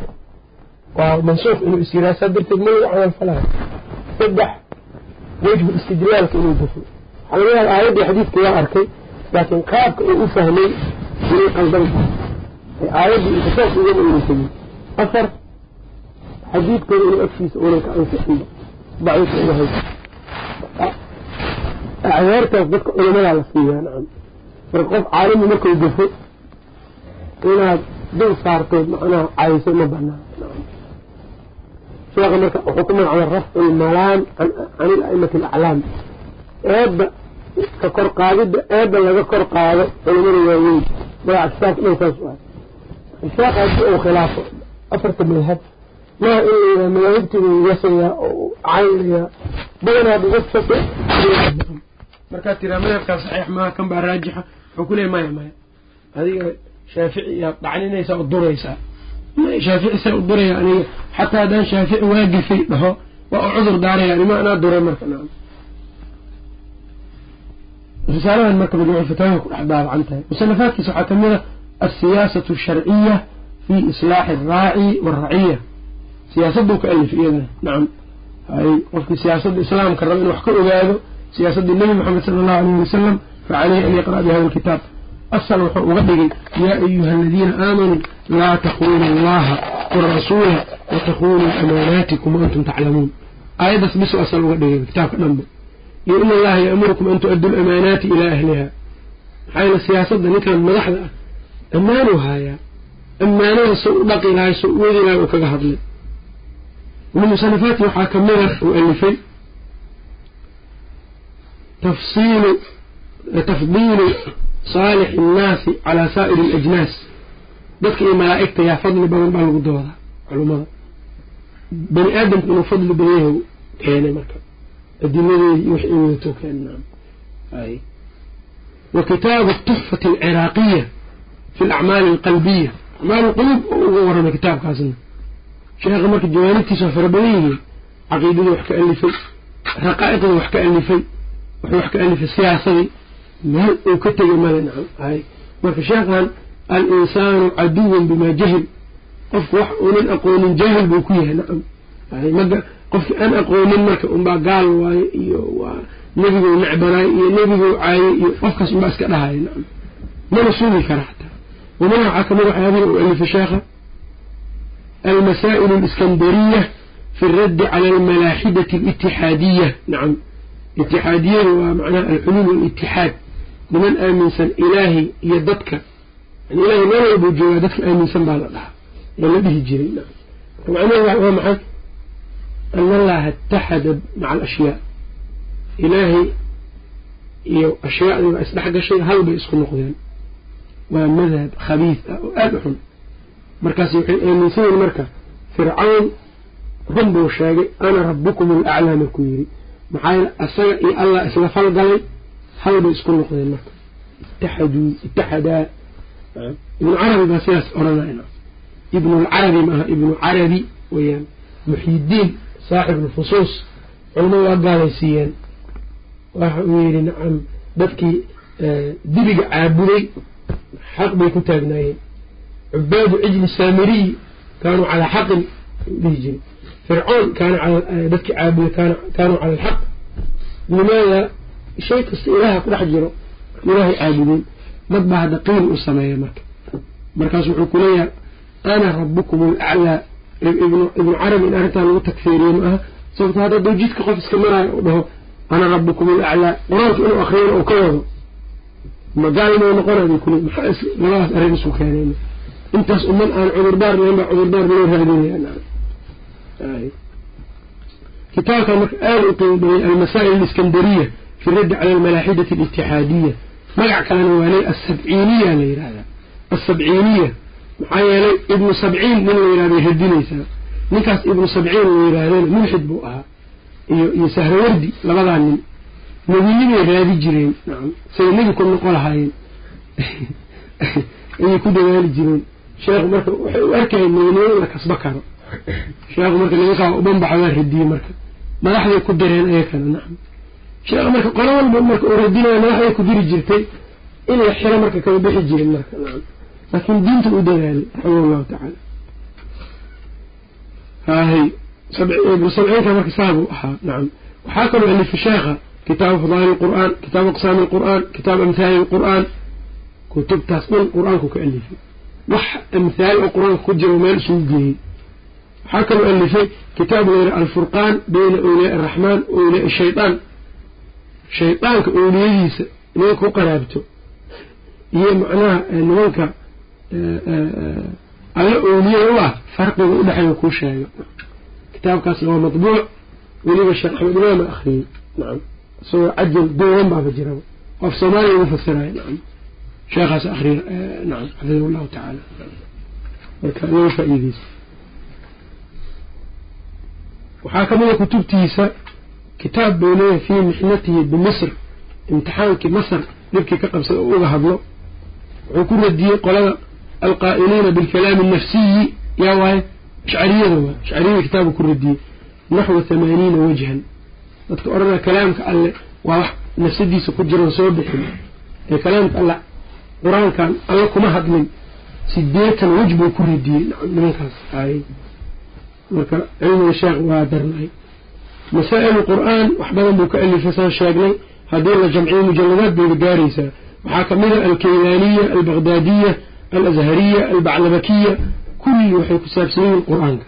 Culum qur'aan. Almisriya nacam kullidaas kitaab buu leeyahay layidhaha walahu kitaabun yusamaa asafadiya waa madbuuc kitaab aad u adag waa isagana. Maxaa yeelay wuxuu uga hadlaa kitaabka nubuwaadka. Nimankan mutakalimiinta waxay qabaan moogtahay mucjizaadku. Waa quwa nafsiya waay. Nebi nebiga waxyigan uu sheegayana quwa caqliya waay ku leeyihiin nebigu waa dadka waa ka caqli badan yahay. Nacam marka caqligiisaas ayuu cabirayaa waxyi bay noqonaysaa qur'aan waa madhab aada u qaab daran mugta nacam mucjizaadka dadka ay tusayaanna waa quwa nafsiya waay nafsadooda waxayba ka dhigeen ambiyada dadka wax ilaystoo kale mugta dadka wax ilaysto quwa nafsiya ku ilaysanayaan mugta saasay culamadu yirahdeen mugtiin nacam ninkaan wax ilaysanaya qofkuu fiirinayaa. Bimujaradi caynihi qofkaani waa inuu dhacaaba laga yaabaa. Waana dhacday sahli ibn xunayf oo meel ku qubaysanaya nin arkay cadaan badanaa buu yiri ninkaan. Geb waa dhacay sahli ibn xunayf ninkii baa marka weyse qaad lagu firfidhiyey marka intuu weyse qaatay marka waxuu ka dhigay ambiyadooda niman wax ilaysanayo kale. Maxaa yeelay quwa nafsiyu ka dhigay mucjiza xag alla inay ka timaada kaba aynan dhigin nimankaa marka iyuu ku radinayaa marka. Mucjizadii buu sugayaa marka. Ay badanaana marka ayaga usuushooda ku radinaya nacam sheega marka falsafada xataa wuu ka badiyey ayaka laakiin ardaygiisa ibnulqayim ayaa aada usoo dhoweeyey marka kutub ibnulqayim ayaa aada uga sahlan baabkan falsafada iyo marka laga hadla way dhib badan tahay isaga kutubtiisa in laga fahmo nacam ومن مصنفات الشيخ waxaa kamid a kitaab la yidhaha alistigaafatu fi raddi cala albakri istigaafada laba kitaabu ka alifay sheekha midkaan hadda aan hayno waa talkhiisu kitaab alistigaatha mid weyn baa laga soo talkhiisiyey kan kaan laakiin mafquud waayo nacam waa sheega sheekh wuxuu yidhaha waqad dakartu dalika fi kitaabi alistigaafatu alkabiir. Nacam kaas hadda ma hayno. Midkaan laakiin waa talkhiis waayo ay ibnu kathiir bidaaya nihaaya ku sheegay ibnu kathiir laftirkiisana waa ikhtisaariyeyba kitaabkaas. Nadiirkan tafsiirkana nacam waa kitaab aad asna u qiimo badan. Masaa-il istiqaasu ka hadlay. Masaa-il takfiir buu ka hadlay iyadana maxaa ninkaa bakriga nin carab dheer buu ahaa sheekhuu gaalaysiiyey waxuu samaynayaa marka sheekhu intuu gaalaysiiyo ayuu marka axkaamtii gaaladii ku eegayaa marka. Nusuusta intuu ka soo qaadanaya marka sheekhan uu gaalaysiinayo kutubtiisa ka soo qaadanaya marka. Nacam dara iyo moogtahay xishood dara wa sheekhu wuxuu yiri saaxiibadii qaar kamida ayuu wuxuu ka qaatay kitaabkii day aan sheegayni assaarim almasluul ayuu dad ka caariyeystay kitaabkooda wax ka soo guurma anigu ugu radinaya buyi marka wahada min qilati alxayaa waay isku kalsoonto isku kalsoon. Dad badan baa bakri uga digay xataa. Waxay yidhaahdeen ninkaas ma radin kartid iska dhaaf. Shuyuukhdiisa ibnuljazari baa kamida ibnuljazarigan macnaha culumul qur'aanka kutubta kale ayaa kamida ninkaan iska daa buu yiri nin aada u cilmi badan aada u fasaaxo badanna ma tihid iska dhaaf buu yiri waa diiday marka nin adadag buu ahaa bakriga. Nacam aada u fudfudud weliba saasay culamada ku sheegeen waa diiday waxaan buu marka qorqoray. Tan baa marka ku dhacday. Nacam kitaabul istigaasa marka la alifay fi radd cala albakri. Nacam waa kitaab laba mujalad ah aada buu u faa-iido badan yahay. Qofka marka daalibulcilmiga ha laazimi meelaha ugu horeysa waa yar adag tahay waxaa laga yaaba qofka inuu iska dhigaba laakiin meelaha dambe aad bay u fududahay. Qofku marka haska akriya isaga dhan lacalahu yafham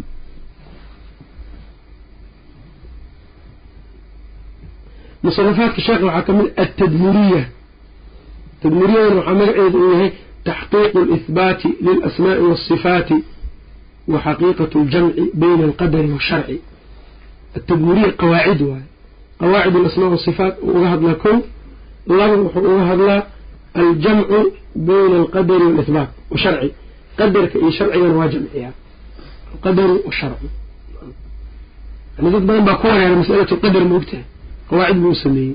Tadmuriya la yiraha marka hadoo madbuuc majmuuci fataaway ku daawacan tahay. Marka in la akriyana waa laga maarmaan. Min axsani maa alafa asheikh raximah allahu tacaala kitaabadan weliba macnaha waasidiyada ayay la mid tahay. Inkastoo qaabka waasidiyada iyago aysan u qornayn. Min musanafaati waxaa ka mid ah alfatwa alxamawiyatu alkubraa ayaa ka mid a fatwadaas sheekhu wuxuu alifay maa bayna alduhri waalcasri sheekhu wuxuu lahaa kutub badan magaalooyinkaas su'aalo uga imaan jireen waa jawaabi jiray marka. Xamawiyada marka waxay uga timid xamaah magaalada leeraa nacam oo suuriya hadda ku taal. Bay uga timid su'aashan istiwaha la weydiiyey asalaf aslam walkhalaf aclam dadka dhahaya la weydiiyey. Bada-a bacda duhri buu bilaabay. Casarka adinkiisana waa dhameeyey. Fatwadii waana diray nacam. Marka taas waxay tusaysaa marka wixiis inay maskaxda ugu jireen xifdislaan fatwa alxamiwiya alkubraa waxaa ka mid a marka dajay kicisay niman badan way ka careysiisay waa ku munaadarooday baabul munaadaraadaan ku sheegi doona insha allahu tacaala. Musanafaadkiisa waxaa ka mid a alcaqiidatu alwaasitiya aad buu sheekh u ictimaadi jiray waa kitaabka aan akrinay hadda. Weliba sheekha caqiidadaas caqiidada mateli kartoo ka dhigi jiray. Waa la imaan jiray meelaha dooda. Waa kan caqiidadeedu dhihi jira soo saara dad badan buu ku cajzi geliyey iyadana bacda alcasri buu qoray. Nacam dad baa ii yimid buu yidhi waana jaalisun bacda alcasri su'aashaas buu u weydiistay inuu iga dhaafan ka dalbaday waa diiday ilaa ilaa wax ii qor buu yidhi dadkii baa caqiidadii ka halaawday. Waa qoray buu yidhi marka. Waa kan marka kitaabkan aan dhowrka macnaa bilood aan wadnay qawaacid fara badanna sheekhu waa leeyahy ibnu cabdilhaadi uu sheegay iyo rasaa'il badan waraaqo badan oo uu dadka u kala diray. Xabsiga waraaqo badan buu ka soo diray. Hooyadiisba waraaq u soo diray. Ardaydii waraaq u soo diray. Waraaqahaas cilmigay xambaarsanahay naa warqad qorqor keliya ahayd ma aynan ahayn nacam marka sheekha qadaa xayaatahu kullahaa noloshiisa o dhan wuxuu ku dhamaystay jihaad buu ku dhamaystay nacam bikulli anwaacihi nacam hadday noqon lahayd jihaad alkafara jihaad almunaafiqiin jihaad ahlilbidac hadday noqon lahayd jihaad nafsi hadday noqon lahayd min ka cibaado badnaa waqtigiisa ma lahayd bal wuxuu ku soo gaaray intaan ikhlaas iyo mutaabaca iyo rabbigiisa uu ku xirnaa. Marka aqwaashiisa markaan sheegayno ayaan arki doonaa sida uu u cibaadeysan jira sheekha. Nacam iyo munaadaraadkiisa markaan ka waramayno nimankii badaa'ixiyiinta la dhihi jiray ama axmediyiinta ee suufiyada ahaa markuu la munaadaroonaayey waxa uu aada isugu keenay uu ka hadlay dadkii madaxdeena waa yimaadeen ayageena waa yimaadeen dabkan galnaa bay dhaheen dabkan galaynaa xag kalean uga dusaynaa dabka. Nacam haddii marka ninkan oo waxaan aan aragno haddaan intaan galno oo aan waxba noqon weyno ninkan waa in la dilaa wax noocaasoo kale keeneen. Sheekh anaa idinla munaadaroonayo yiri kaalay nacam habeenkii oo dhan marka waxa uu yiri ilaahay subxaana watacaala ayaan baryaayuu yidhi. Nimankaas inuu ummadda ilaahay uu tuso majliskii markii la isugu yimidna marka waxaana u sheegay uu yidhi dabka waxaan niyeystay buu yidhi hadday dabka galaan anna inaan galo. Nacam. Bal dabka qofkuu guba hala arka markaas. Waxaanan qalbigana gashtay buu yidhi in aniga maadaama aan tawxiid iyo aan matalayo macnaha caqiidadii alla u raalliga ka ahaa inay dabkaas ilaahay uu iga badbaadinayo kamaa najaa ibraahim calayhi salaam. Nacam imaam almuwaxidiin qulnaa yaa naaru kunii bardan wasalaaman calaa ibraahim. Markaan meesha isugu nimid ba waxaan idhi aan soo wada qubaysanno.